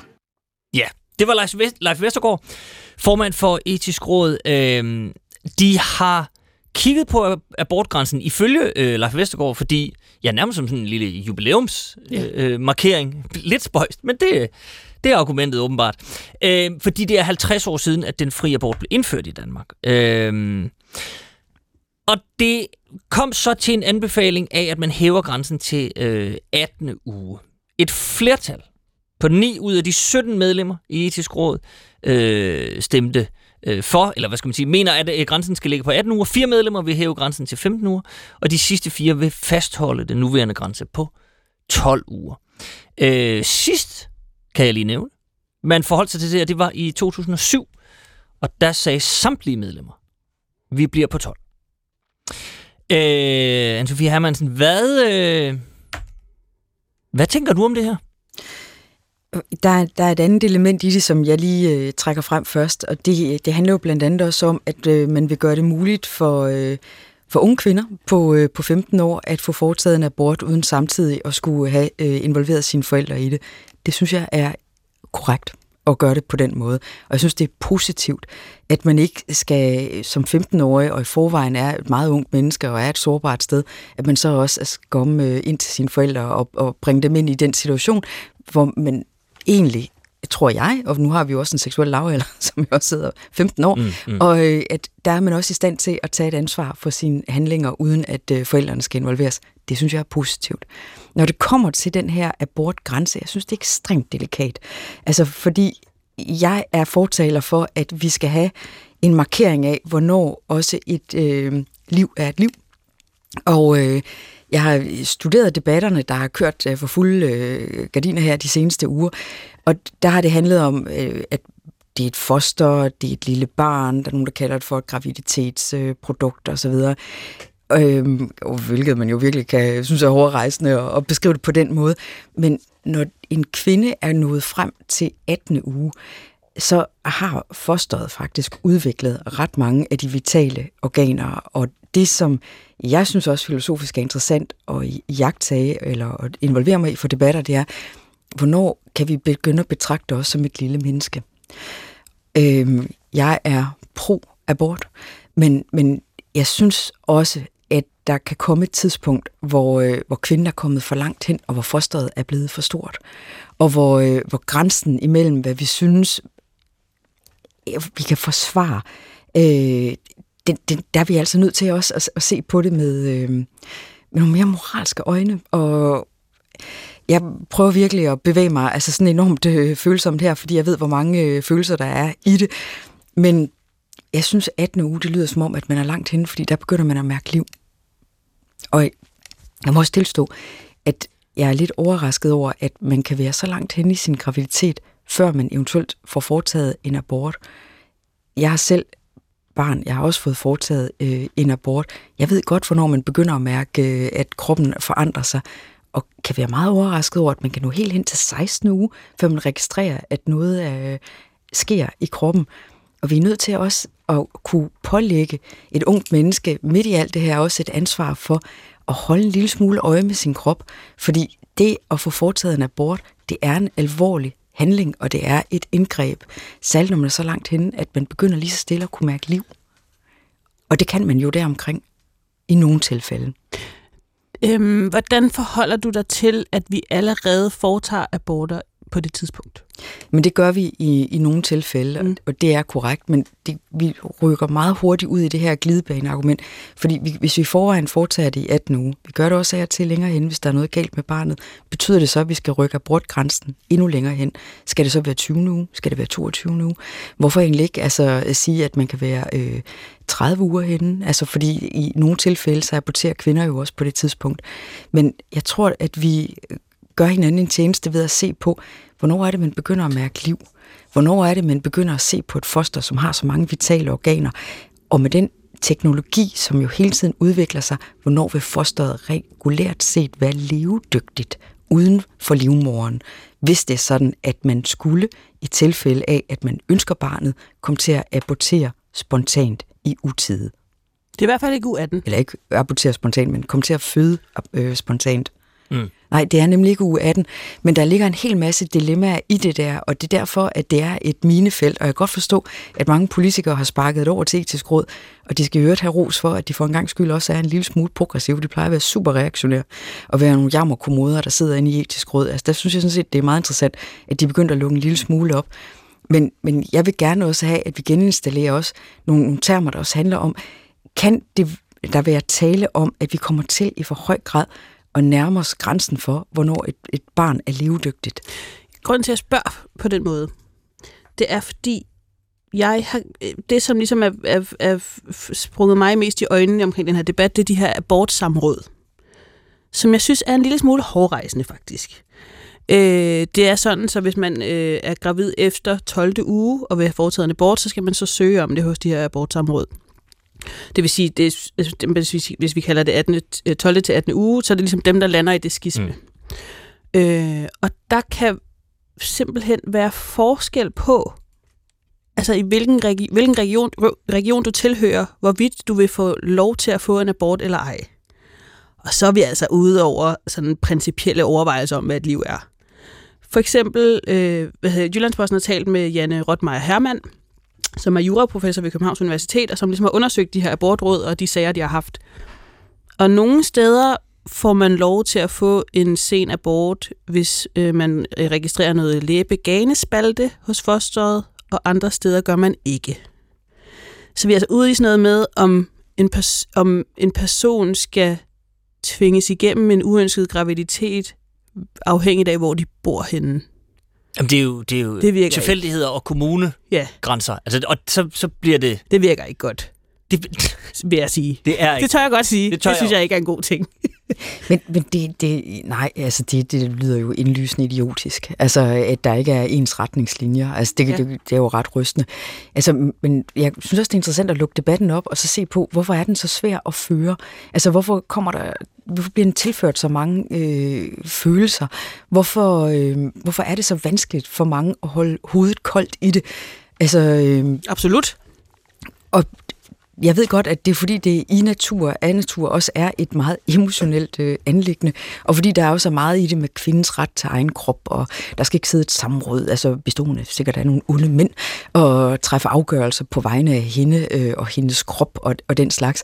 Det jeg selv savner, og det er et super upopulært øh, synspunkt, det er det her med også at have ansvar for egen krop og holde øje med forandringerne. Hallo, din menstruation udbliver. Men er det ikke... Faktisk er, er to ikke, og omgange. Men tre måske. er det ikke en særlig dårlig idé at tvinge man kan sige umiddelbart ressourcesvage mennesker til at sætte børn i verden. Altså der er et eller andet, som går galt der, hvor at det bliver, jamen, jo mere ressourcesvag du er, øh, de her årsagerne til, folk, at øh, folk sender ansøgninger til de her abortområder, er jo også sådan noget med sociale omstændigheder, økonomiske mm. omstændigheder. Øh, BT lavede i foråret en gennemgang af nogle af dem, der har fået afslag, som jo er sådan noget med en kvinde, som har været lang tid om at komme ud af et voldeligt forhold, og det har gjort, at hun ligesom missede de 12. uger, men vil meget gerne slippe for at skulle øh, have en ankelkæde om livet til den her voldelige ekskæreste resten af sit liv. Og det her abortsamråd kommer frem til, at hun har så mange gode veninder, som kan hjælpe hende med det, så det skal hun bare, det barn skal hun bare have. Altså det, jo, indiskutabelt. Det, det, jeg, jeg, det sidder forkert på mig, kan man. Ja, men øh, det, det tror jeg, det gør på de fleste, fordi hvorfor skal man tvinge nogen, der ikke ønsker et barn, altså til at gennemføre en graviditet? Og vi kender jo også godt jeg har i hvert fald en idé om, hvad bliver det for et liv, det her barn fødes ind i? Mm. Det er det. Og hvorfor også føde et barn med det sår, at moren i virkeligheden ikke har ønsket det. Altså, det er der jo ikke nogen, øh, nogen tvivl om, men det, som jeg bare lige prøver at kippe en lille flag for, det er, vi har altså alt andet lige, også selvom der er nogen, der er meget udsatte, og nogen, der er meget synd for osv., stadigvæk et ansvar for at holde øje med forandringer. I Danmark har vi en, nogle ret fine muligheder for også tidligt at få foretaget en abort, og kvinder, uanset hvilket forhold de er i, eller om de ikke er et forhold, de har muligheden for at få foretaget medicinsk abort også ret tidligt.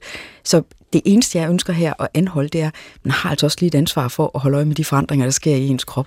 For det Men... er altså ikke bare en shampoo, som ligger derinde og vokser. Altså, der er tale om et foster, som kan gå hen og blive til et levende menneske. Men, og det, men, den respekt, synes jeg også, er, nyttig at bringe ind i det. Absolut. Men jeg skulle ikke... Altså, og det er jo virkelig... Det er jo også svært som mand at tale med om det her, fordi det er jo... Jeg, jeg, er, jeg kan deklarere, hvor jeg står i det her lige nu det, jeg, jeg, det, jeg synes virkelig, at kvinden skal afgøre det selv. Jeg kan også, at der er mange mænd, der har blandet sig i den her debat med komplet udulig en spark. Altså alle Søren Espersen, der begynder at rode noget med, at det er også noget med DNA og sådan noget. Prøv at høre, en agurk har noget DNA. Vi kan, det kan vi ikke. Nu må du læse op på ting. Det kan vi ikke bruge til noget. Glem det. Bland dig udenom. Men, men, men det her med, når du siger, at kvinden skal, skal øh, tage ansvar for sit eget liv og, og, og mærke efter osv., det, hvis nu det glipper, kan hun så ikke så sige, når man efter 12. uge, der tager jeg så ansvar for mit eget liv og siger, jeg vil faktisk jeg, jeg, jeg er ikke i en situation, hvor jeg føler, at jeg kan, jeg kan øh, kapere det her. Jeg, har ikke, jeg ønsker ikke det her barn. Det her barn får ikke et godt liv, og der kan være alle mulige omstændigheder osv. osv., osv. Men på den anden side af 12 uge, siger du så, der er der så nogle andre mennesker i et abortråd, der så skal tage det her ansvar. Jamen, jeg forstår så, så synspunktet, og jeg, jeg er heller ikke øh, øh, uenig med dig overhovedet.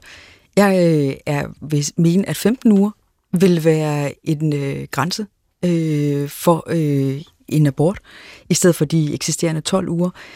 Det eneste, jeg anholder, det er bare det her med, 18 uger virker på mig, som om man er ret langt henne i sit forløb. Mm. Så vil der altid være undtagelser, og vi kan sagtens diskutere de her undtagelser.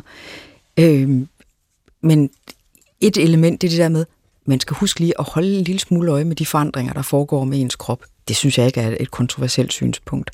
Altså simpelthen også fordi, at det ikke er en agurk, der ligger derinde. For at bruge dit eksempel. Der er tale om noget, der kan udvikle sig til at være et menneske. Det synes jeg bare, man skal omgås med stor grad af respekt. Absolut. Og så ja. omkring det her med, øh, at der er mænd, der blander sig. Selvfølgelig skal mænd der også kunne blande sig. Også, det, ved, det er jo men selvfølgelig, deres mænd må gerne blande sig, men det er bare nogle gange, så, altså som i alle debatter, så skal man bare lidt måske sætte sig ind i, hvad det er, vi debatterer. Og det er jo nogle gange det, der bliver noget gak. Men positivt, der er det det her med, at øh, man kan træffe en beslutning, altså som, øh, som ungt menneske, hvor man ikke behøver at involvere sine øh, forældre. Det synes jeg er no-brainer. Helt enig. Klart. Der er meget ja, få, ja. der er imod det. Ja, ja. Danmarks demokraterne, mener jeg. Mm-hmm.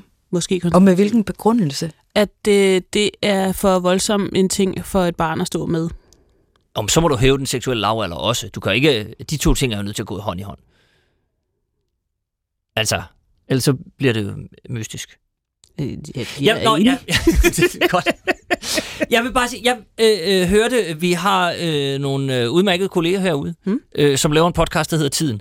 Og der havde de et interview med Anne Mette Vilfang Lykkebo. Hun er cheflæge for kvindesygdom og fødsler på Odense Universitetshospital. Hun er øh, altså nede i de her sager. Hun møder de her unge kvinder, og hun foretager de her aborter. Og hun siger, prøv at høre, altså, 18 uger er det er fint. Fordi det, det er øh, ofte ressourcesvage kvinder, der ender i det her, og det er nogen, som, som jo som gerne vil tage ansvar for egen krop, og gerne vil holde øje og sådan noget. Og så er der et eller andet, der glipper, og så videre, og så videre, og så videre. Og hun, pot, hun nævner også det her med, at der, du, du var inde på det her moralske og det ene og det andet, altså, og man skal have respekt for liv og det ene og det andet, og det skal man selvfølgelig, men, men hendes pointe er, og den er virkelig enig i, at man, man skal vel også have respekt for om man skal bringe et liv til verden, som er uønsket. Mm-hmm. Altså, det gjorde et stort indtryk på mig. Mm-hmm. Men det er jo absolut også en væsentlig pointe, for selvom øh, at vi, vi taler meget, hvad er øh, morens tag, mm. altså sådan det også med barnets tag, kan vi altså virkelig mene, at et barn er tjent med at blive født af en mor, som ikke ønsker det, og hvor, hvor barnet muligvis heller ikke har en far? Altså, så hvis man tænker sådan skridtet videre, og det er jo derfor, at det her det er komplekst, og det er derfor, der er mange holdninger til det, og der er mange indgange også til spørgsmålet. Jeg er fuldstændig fan af, at vi kan få det ventileret, og jeg synes egentlig også godt, at vi må ryge en lille smule i flæsket på hinanden, fordi det er vigtigt.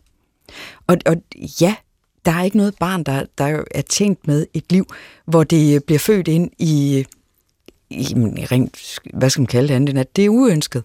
Altså, det, jeg tror ikke, at man kan sætte så mange flere ord på andet end, at øh, det kan vi, vi da heller ikke øh, sidde med åbne øjne og synes, at det, øh, det er fedt, at den mor, hun skal bare gennemføre sin graviditet. Det tror jeg heller ikke, at der er nogen, der vil mene. Men det, men det kan godt, jeg synes godt, det kan få et snært af, når man taler om det her med, at øh, kvinder må også tage ansvaret for den situation, de står i, og de må også kunne vide med deres krop og sådan noget. Der, jeg, jeg kan godt, øh, hvis jeg taler med mennesker, som øh, vælger det standpunkt, få et snært af, at øh, det bliver sådan noget med, så må hun lære det på den hårde måde. Og jeg, mm. så taler vi jo ikke barnets tag overhovedet. Så handler det om, at vi skal, at der er nogle ressources, øh, ressourcesvage kvinder, som på en eller anden måde skal have sig en lektie i form af et uønsket barn. Ja, Jamen, det bliver der, noget skidt. Tror du egentlig, der er nogen, der siger det? Så kan hun fandme lære det. Det er der jo ikke. Altså, men jeg synes, man skal mindes om, at det her det er øh, et alvorligt anlæggende. Og den, den del, synes jeg ikke, er øh, skulle være problematisk at fremføre. Selvfølgelig skal man holde øje med sin krop, man skal holde øje med forandringer, ligesom vi skal holde øje med modsmærker, der ændrer sig. Eller hvis det er sådan, man pludselig har en knude i sit bryst. Jeg synes, der påviler den enkelte, at man virkelig plejer at holde øje med sin krop. Altså, man kan ikke bare outsource det her ansvar, eller sige, jamen så, øh, så skal der bare være en eller anden løsning på det. Jeg synes, det er vigtigt. Betyder det, at så skal man ikke kunne få en abort efter 12. uge, 15. uge, 18. uge, hvor vi er henne? Nej, det gør det ikke. Men jeg synes, man må godt kunne understrege vigtigheden af det. Mm. Jeg vil også gerne deklarere, at jeg har, ikke, jeg har faktisk ikke nogen stærk holdning til, hvor øh, abortgrænsen skal ligge. Men jeg har det meget svært med abortrådene.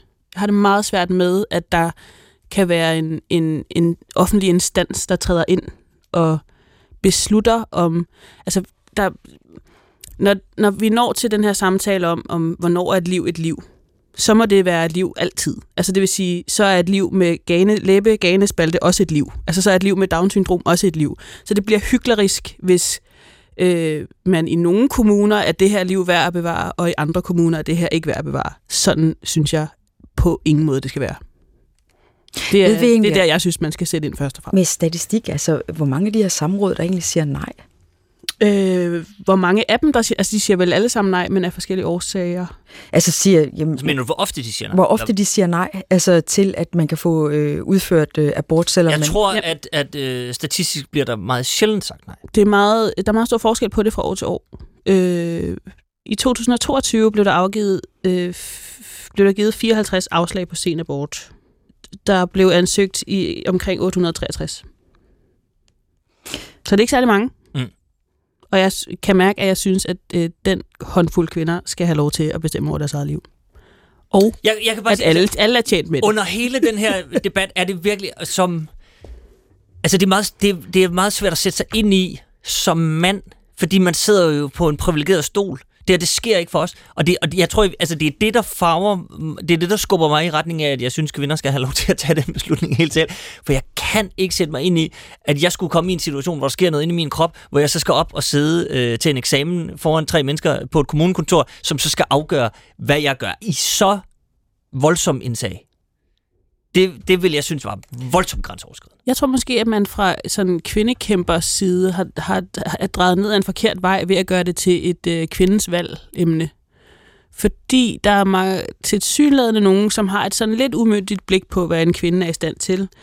Så snart vi skal snakke om øh, aborter i samfundet, så øh, det første, der pipler frem, er interviews i aviserne med kvinder, der har fortrudt at have fået en abort. Altså, så, så man kan sige, at præmissen er lidt, kvinder ved ikke altid, hvad de vil. Så derfor så kan vi ikke overlade det her svære, svære emne til kvinder, fordi noget med følelser og hormoner sikkert. Men det er jo delikat, fordi altså, det er både kvindens egen krop, og samtidig er det ikke kun hendes anlæggende, fordi der er altså også øh, et øh, potentielt lille barn derinde. Og så er der jo sådan den ting, som vi overhovedet ikke har berørt, det er, der kan jo faktisk sidde en mand og Præcis. ønske Det burde være at få... anlæggende. Ja, netop. Der indgår jo også en mand i den her øh, ligning. Altså, og vi ved ikke med øh, de samråd, der har sagt nej til, at øh, de her øh, 50 kvinder, de ikke har kunne få foretaget en abort, hvor det er, mændene har været stillet i den sag.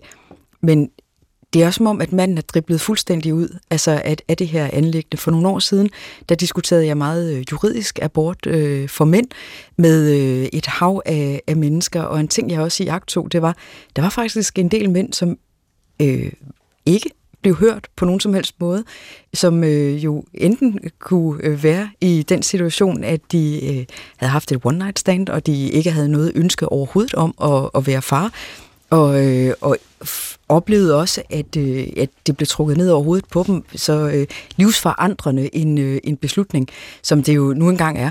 Og så samtidig, så, så var der faktisk også øh, en, nogen, der sådan er til sagde, at jamen, de havde faktisk et meget stort ønske om at blive far, men de havde været sammen med kvinder, som alligevel havde aborteret uden overhovedet at, at involvere dem. Og det er som om, at vi har besluttet os for, at mænd har bare intet at gøre med det her anlæggende. Og så er modargumentet, og jeg kan se det komme, mener du, at mænd så skal have ret til at bestemme over kvinders kroppe, og så øh, kunne øh, involvere sig i, om de skal have en abort eller ej, og skal de sætte en stopper for det og den slags? Nej, det mener jeg ikke. Men jeg mener, vi er nødt til også lige at have en lille tanke på, at der befinder sig altså også nogle mænd inde i det her øh, kompleks, som vi har lidt en tendens til bare at ekskludere fuldstændig. Og Huxi, du, du siger det nærmest selv, så er der en masse mænd, der blander sig. Jeg, du må nærmest også deklarere, at jeg er selv mand og har en holdning til det her. Jeg mener, at der er også nogen, som, øh, som opsøger for få informationer osv.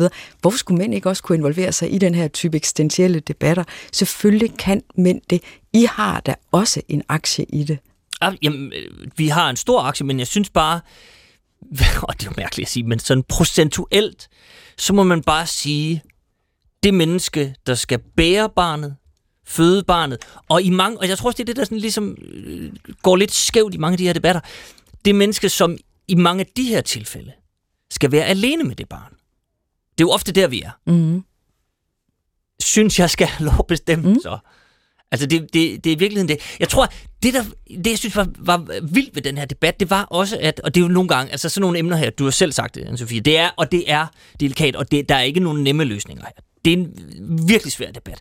Men det bliver ofte sådan, at man sådan, så kigger man lige på sig selv, og så siger man, jamen, øh, øh, øh så, så jamen, jeg har jo, jeg, jeg, da jeg var i 18. uge, da jeg var i 16. uge, der så jeg sådan her ud. Jeg kunne mærke dit og dat og det ene og det andet og sådan noget. Og, og nu skal vi ikke nævne navne, men det kunne jo være Susie Jessen fra Danmarksdemokraterne, som, er bare, når man, som lagde et billede op på Twitter af sig selv, hvor hun var gravid i, i i 17. 18. uge, eller et eller andet 19. uge, og, og det er jo dejligt, at hun står foran et juletræ. I baggrunden hænger et, et, et hero-billede af en ammende kvinde, der er alle hendes andre børn på billedet, at man er sådan helt, jamen, okay, men det er ikke nødvendigvis den situation, vi debatterer nu. Altså, det, det, det hele gik bare i stykker i den der debat, og det synes jeg virkelig var ærgerligt. Mm.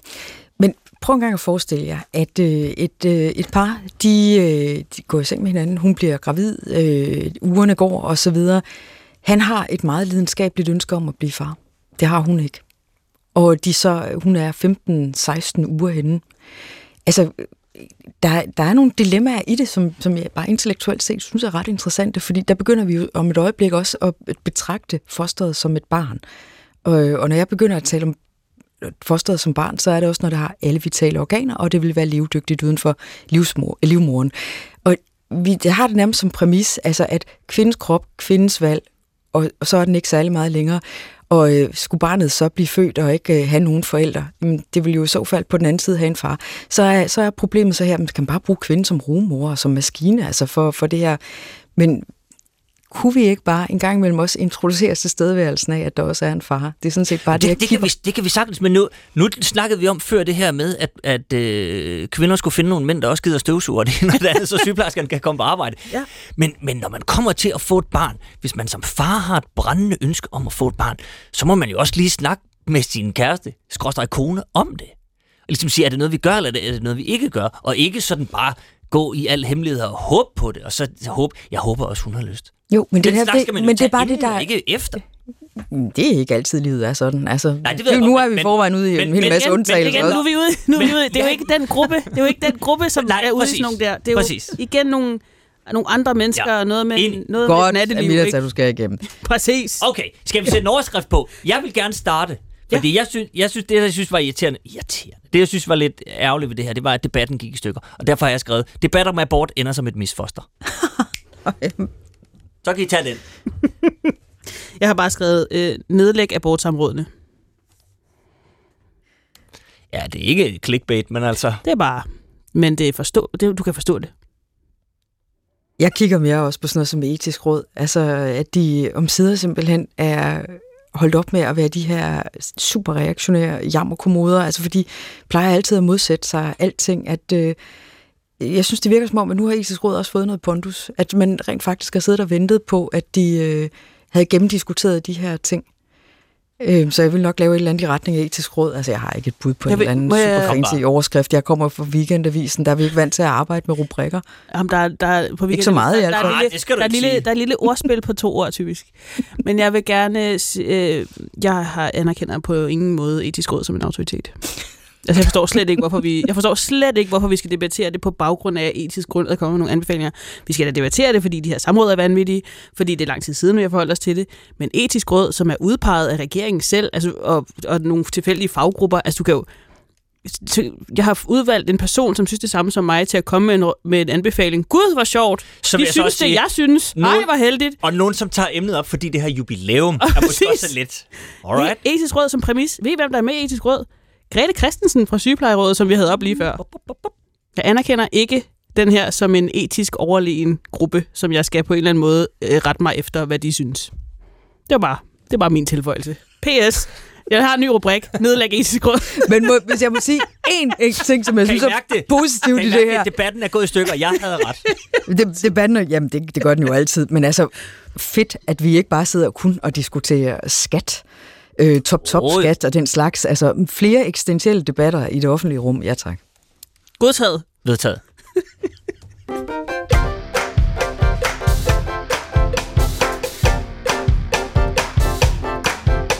Iværksætter Martin Thorborg. Han har jodtabletter og mad til 14 dage stående i sit skur. Og da han i foråret gæstede ugen forfra, fortalte han om, hvordan og hvorfor han prepper. Martin Thorborg, vi har jo et koncept her, hvor vi laver nye overskrifter på historier. Mm.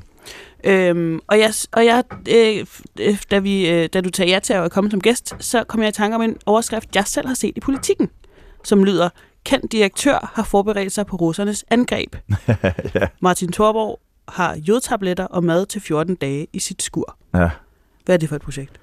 Altså først og fremmest, så den eneste grund til, at jeg gad at deltage i artiklen, det er, fordi det er første gang, politikken ringede til mig i tre år. Jeg blev simpelthen så befippet, så jeg, altså, så jeg tænkte, okay, så gider jeg faktisk godt vise mit lager af vand øh, og min, øh, min 10 kilo spaghetti. Øh, bare lige for at tage det med. Øh, jeg sagde pænt nej, så da alle de andre overfaldt mig, ville også, fordi jeg siger, altså, jeg er ikke prepper på den måde. Ja. Men øh, nej, altså, det, det, det, jeg tror, det, det, det, handlede, det, det, jeg ved ikke engang, hvor det startede helt, men jeg, jeg, jeg, jeg synes, man, når man begynder at sidde og læse om, at, at russerne jævnligt, så næsten dagligt, planter øh, så sprængladninger ved ukrainske atomkraftværker, og Øh, og, og, og, og russiske ubåde og, og, og, og fartøjer øh, sejler rundt i vores lande, og, og lige pludselig lige ude for Bornholm bliver der sprunget olieledning eller gasledninger i tu og sådan noget, så tror jeg, man skal være en lille smule naivt anlagt, hvis man ikke tror, at der kan komme til at ske et eller andet. Øh, og det er ikke fordi, at jeg tænker 3. verdenskrig eller noget, men jeg tænker bare, nu har russerne først forsøgt at få alle de der 5G-vaccinehader øh, øh, til at, at lave oprør foran Christiansborg, og det er ikke rigtig helt hjulpet, selvom de er meget glade for Putin.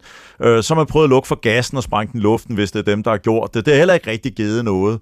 Øh, så hvis man skal lave et, et, et større oprør i Europa, som gør, at vi måske lader være med at støtte Ukraine, så vil det måske være sådan, kunne vi slukke for strømmen, ikke? Og når man nu ser, at de rent faktisk kortlægger det hele, ikke? Og de har verdens største motiv til at gøre det, og de kan gøre det uden at starte 3. verdenskrig, og sige, kender vi ikke noget til. Har vi ikke engang, hvad, hvad fanden snakker jeg om? Altså, alt strøm er væk i Nordeuropa. Ja, okay, fair nok. Altså, det må være amerikanerne, ikke? Det, det er Donald Trump. Altså, jeg tror, det kommer til at ske øh, i en eller anden forstand. Og så synes jeg, at det er lidt fjollet, hvis man ikke øh, bare, du ved, har øh, forberedt sig bare en lille bitte smule. Altså, jeg har købt nogle jodtabletter. Man skal ikke bare gå ud og købe dem. Man skal købe dem på Amazon i Tyskland. Det vil jeg jo anbefale. Det koster 200 kroner. Det render alle danske soldater rundt med i fald, at der kommer atomaffald. Det vil sige, hvis nu vinden bærer i den retning, den dag russerne måske, ligesom vi så ved Tjernobyl, der var vi jo bare heldige at vinde bare en anden retning, jamen så kan man æde nogle jodtabletter og, og, og blive skadet en smule mindre. Ikke? Hvorfor skal man købe dem øh, i Tyskland? Det er Amazon? fordi, at i Danmark selv er de ikke øh, den kraftige type, som du skal bruge. I Danmark har du købt jodtabletter som kosttilskud, eller jeg ved sgu ikke, hvad fanden man bruger det til. Øh, og det dur ikke. Øh, så jeg gik på nettet, og så tager det jo 10 sekunder at finde ud af, hvilken brand skal man købe, og det kan man ikke købe i Danmark, fordi øh, det kan man købe i Sverige og Norge, der anbefaler de jo. Altså, altså når man nu tænker, åh, sølvpapirshatten Torborg, både i Sverige, Norge og Finland anbefaler de, at lige præcis de jordtabletter, jeg har det, selvfølgelig har alle familier i det. Alle familier har til en uges mad. Alle familier har en lille radio, så man kan høre, hvad der foregår, når mobilnettet går ned og så videre. Så alt det, jeg, alle de ting, jeg har gjort her, er på offentlige hjemmesider i Norge, Finland og Danmark. Der skal man kunne klare sig minimum en uge, hvis man forestiller sig, at man er isoleret fra samfundet. Mm. Danmark er det eneste land i Norden, som ikke aktivt gør det her. Det er faktisk rigtigt, det du siger. Øhm, fordi Ja. hvis man går ind på den sven, det svenske bered, de svenske bered, beredskabsmyndigheders hjemmeside, så opfordrer de til, at alle er, øh, altså ligesom forbereder sig på at skulle kunne være selvforsynende i en uges tid. Ja, også i Norge og Finland. Ja, øh, og vi har faktisk et lille klip fra den svenske øh, oplysningsvideo. Du som bor i tätort eller i stan är säkert van vid ett bekvämt liv med värme, vatten och mat. Men tänk dig att det inträffar en allvarlig olycka eller kris som påverkar hela samhället. Plötsligt är det ingenting som fungerar. Du kan själv påverka din situation vid en stor olycka eller kris. Ha alltid en beredskap för att klara familjens grundbehov i några dygn. Packa en krislåda tillsammans redan nu. Ja. Ja, og det, jeg vil lige, lige, øvrigt lige tilføje, at det faktisk ikke som, øh, er en video, som er lavet i forbindelse med øh, en form for russisk invasion. Nej, det er generelt. Det er bare, den, er den er 8 år gammel. Det er bare sådan en, en forståelse, man har af, at alle skal kunne klare sig selv i en uges tid. Ja, det tænker jeg, hvorfor ikke? Altså, det er reelt set, kan man sige, den del af, af, af, min forberedelse har måske kostet mig 1000 kroner. Jeg har købt lidt ris, jeg har købt lidt flåede tomater, ting jeg faktisk spiser til dagligt. Uh, jeg har købt lidt tørkær, selvom jeg aldrig har bagt et brød, men jeg tænkte, det kan, kan måske komme meget en handy, hvis i givet fald og sådan noget. Så jeg kan klare mig selv måske noget, der ligner en uge, og så er jeg investeret ikke af den årsag overhovedet med et firma, der øh, altså laver, øh, installerer varmepumper, og nu også solceller. Så solcellerne kommer nu her på mandag, og så har jeg fået lavet sådan en, jeg ved ikke om det er lovligt, men øh, det, det vil jeg skide på, en island-funktion, øh, der betyder, at, øh, jamen det betyder, at øh, jeg har et batteri, øh, og det vil sige, at jeg kan, jeg kan hive et håndtag, og så bliver jeg koblet af det danske elnet, og så kan jeg køre på mit batteri. Det vil sige, at jeg er fuldstændig afkoblet. Og det gør ikke, at jeg kan sidde i månedsvis og, og alt muligt, men det betyder, at jeg kan holde fjernsyn kørende, øh, jeg kan holde, øh, jeg kan tænde for mit komfur og sådan noget. Ja, altså, med, med strøm i en almindelig dansk sommer, så vil jeg kunne holde mig kørende rent, elekt- altså få opladet min telefon og så videre hele sommeren igennem. Men nej, jeg kan, min jacuzzi, øh, ude jacuzzi skal jeg nok lige slukke, ikke? Og, øh, og der er andre, børnenes gamercomputer bliver sgu nok også sat på nul, ikke? Men jeg kan, jeg, jeg kan klare mig selv rent strømmæssigt, i hvert fald hele den del, hvor der er sol derude, ikke? Men nu, nu, i den her uge, var jo første gang, øh, jeg ved ikke om jeres telefoner bippede, der Jo, onsdag, onsdag kl. gjorde min. 12, ikke? Mm. Jamen, det gjorde min også. Øh, og det er jo sådan en eller anden form for beredskabsting. Det er sådan, hvad vi har herhjemme. Vi har de der luftsirener en gang om året, og nu også telefonen, der bipper. Mm. Synes du, Martin Thorborg, at vi hellere skulle have sådan en, en video, eller den svenske, vi har hørt nu, hvor man ligesom siger, prøv at, vi, vi er sgu nødt til lige at, at, at være klar her. Øh, jamen, jeg synes, der begge dele er fint. Altså, jeg, altså, der kan jo ske udslip. Jeg ved, de der nu, for eksempel den test, der blev lavet i går, den kan de jo sige, for eksempel, det er kun et skældskør, så hvis marmeladefabrikken går i lige, ikke, så kan man advare Mm, folk. mm. Det er måske lidt mere nutidigt, at, at man får det på sin telefon, en, en, en, en, en luftalarm.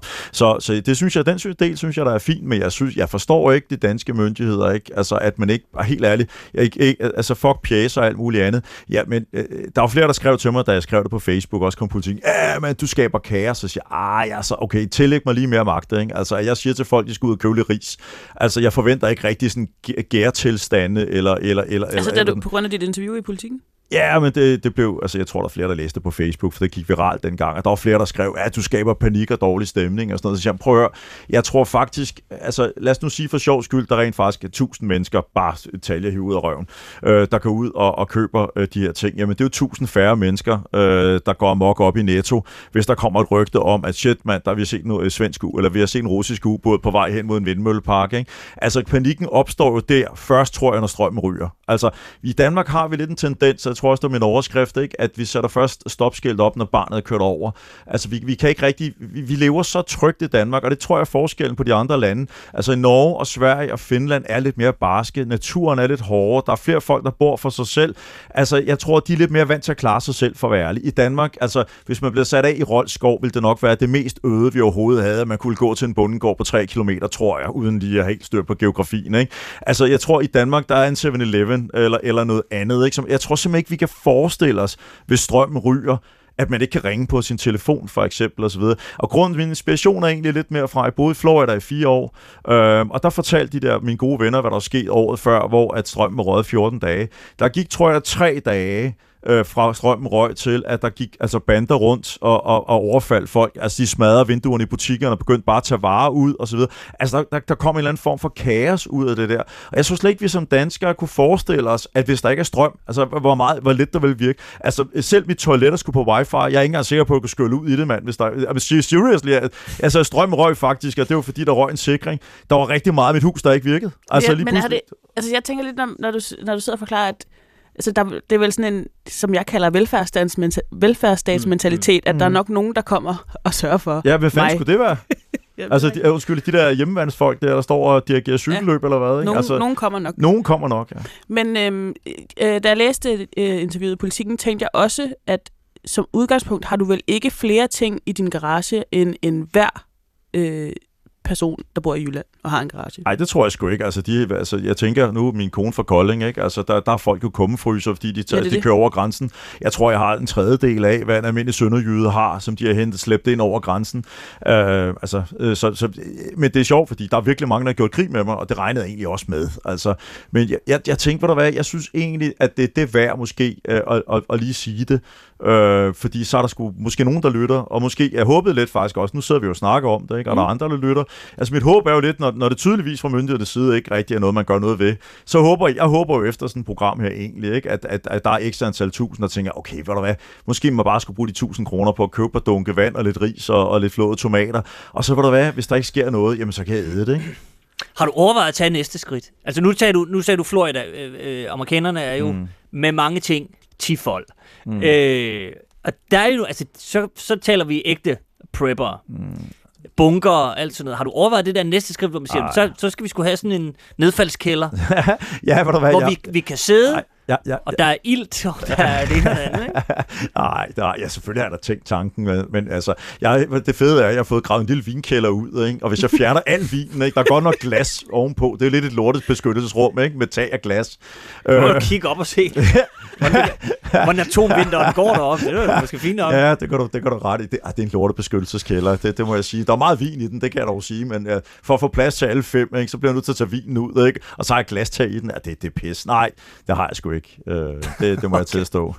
Hvorfor, hvorfor, du egentlig ikke, ikke- hvorfor vil du egentlig ikke kaldes prepper? Er det sådan et, et øh, fyord? Ja, men altså, om, om, ja, det synes jeg faktisk. Altså, det er jo, det er jo noget, man bruger nedladende øh, lidt. Ikke? Altså, prepper for mig, det er ligesom at kalde dig, øh, du ved, 5G-angst, øh, eller du ved, sådan, øh, sådan noget. Altså, det, det, det, jeg, jeg kan ikke lide ekstremer. Lad mig sige det på den. Jeg bryder mig faktisk ikke om ekstremer. Jeg bryder mig hverken om religiøse ekstremister. Jeg bryder mig ikke om folk, der går til yderligheder nogen steder. Jeg, jeg, jeg er altid bange for folk, der der, der, der tager tingene for langt. Og det kan selvfølgelig være lige netop, de griner deres røv i laser, når jeg sidder med min glasloft i min, i min vinkælder, eller at, at den dag 5G tager livet af mig, eller Bill Gates i egen høje person kommer og, og dolker mig med en mikrochip eller andet. Men, men jeg bryder mig ikke om folk, der tager ting for langt. Jeg, jeg, de gør mig sgu angste. Altså, altså jeg, vil ikke, jeg, vil, jeg vil ikke sammenlignes med nogen, der går for, for langt ud. Det, det kan jeg ikke lide. Nej, klart. Jamen, fanatisme er jo Jeg bryder mig i, ikke i om hvad end man giver sig ud i en dårlig ting. Det vil jeg Ja, også det er sige. lort. Men Martin, så til gengæld, så, øh, når, du, når, når du siger det her med, at du ikke har tiltro til, at der kommer nok nogen, Mm. det er jo øh, en eller anden grad af mistillid til, til staten også. Hvor, me- hvor meget har du af det? Jeg synes, jeg, så, altså, jeg, jeg- mener at Danmark er et fantastisk land som udgangspunkt. Mm. Øh, og jeg mener, vi er utrolig forkælet. Vi har et meget højt bruttonationalprodukt. Altså, når vi snakker om fattige i Danmark, så er det sådan noget, som afrikanske fattige i deres vildeste, vildeste, øh, vildeste våde drøm kunne tænke sig at være. Ikke? Og det er ikke fordi, jeg siger, at, at, at alle i Danmark har det godt. Men, men, men vi har et utroligt godt samfund, der tager rigtig godt vare på folk. Men vi er, vi er bare, altså, vi, vi, vi, er, vi, vi, vi er ved at sejre os lidt ihjel. Vi er så trygge, simpelthen. Vi har staten, staten har jo så mange penge, og, og folk er så trygge i Danmark, at vi simpelthen ikke rigtig kan forestille os, at, at, at der er noget dårligt, der kan ske os. Og det, og det, det, det altså de, de store historier, der er i Danmark, ikke, hvor vi virkelig går amok. Ikke? Altså Lisette for eksempel, hun skal ikke gå og tage folk på røven, ikke? men det er jo den vildeste MeToo-sag, vi nærmest har haft i Danmarks historie. Det er en ældre kvinde, der render rundt og rave lidt på røven af nogle unge mænd. Og det er ikke for at sige, det er i orden. Hun er en, en klamo, og, og hun skal ud og væk. Men, men det er jo, altså, det er jo sindssygt, ikke? Altså, et, i USA har de rigtige krænkere, ikke? Altså, de tager dem ud på øer og knaller øh, mindreårige, ikke? Altså, ikke? Og i Sverige, hvis du, hvis du far vildt der, så kan du kraftedeme mig dø, altså, fordi du, så, så er der 100 km til nærmeste 7-Eleven, ikke? Og, og, jeg tror bare lidt, altså, nu, nu lyder det lidt som om, jeg gør grin med Danmark på den måde, men vi, vi, vi, vi, Danmark er jo en stor børnefødselsdag, ikke? Hvor hvis det går rigtig galt, så er der en, der spiller kakao i skødet. Jeg tror, vi har lidt, lidt, lidt, lidt svært ved at forestille os katastrofen. Du har lyttet til en highlight special af Ugen Forfra, med masser af mix af historier fra tidligere programmer. Ugen Forfra er tilbage næste lørdag, både på P1 og i DR Lyd.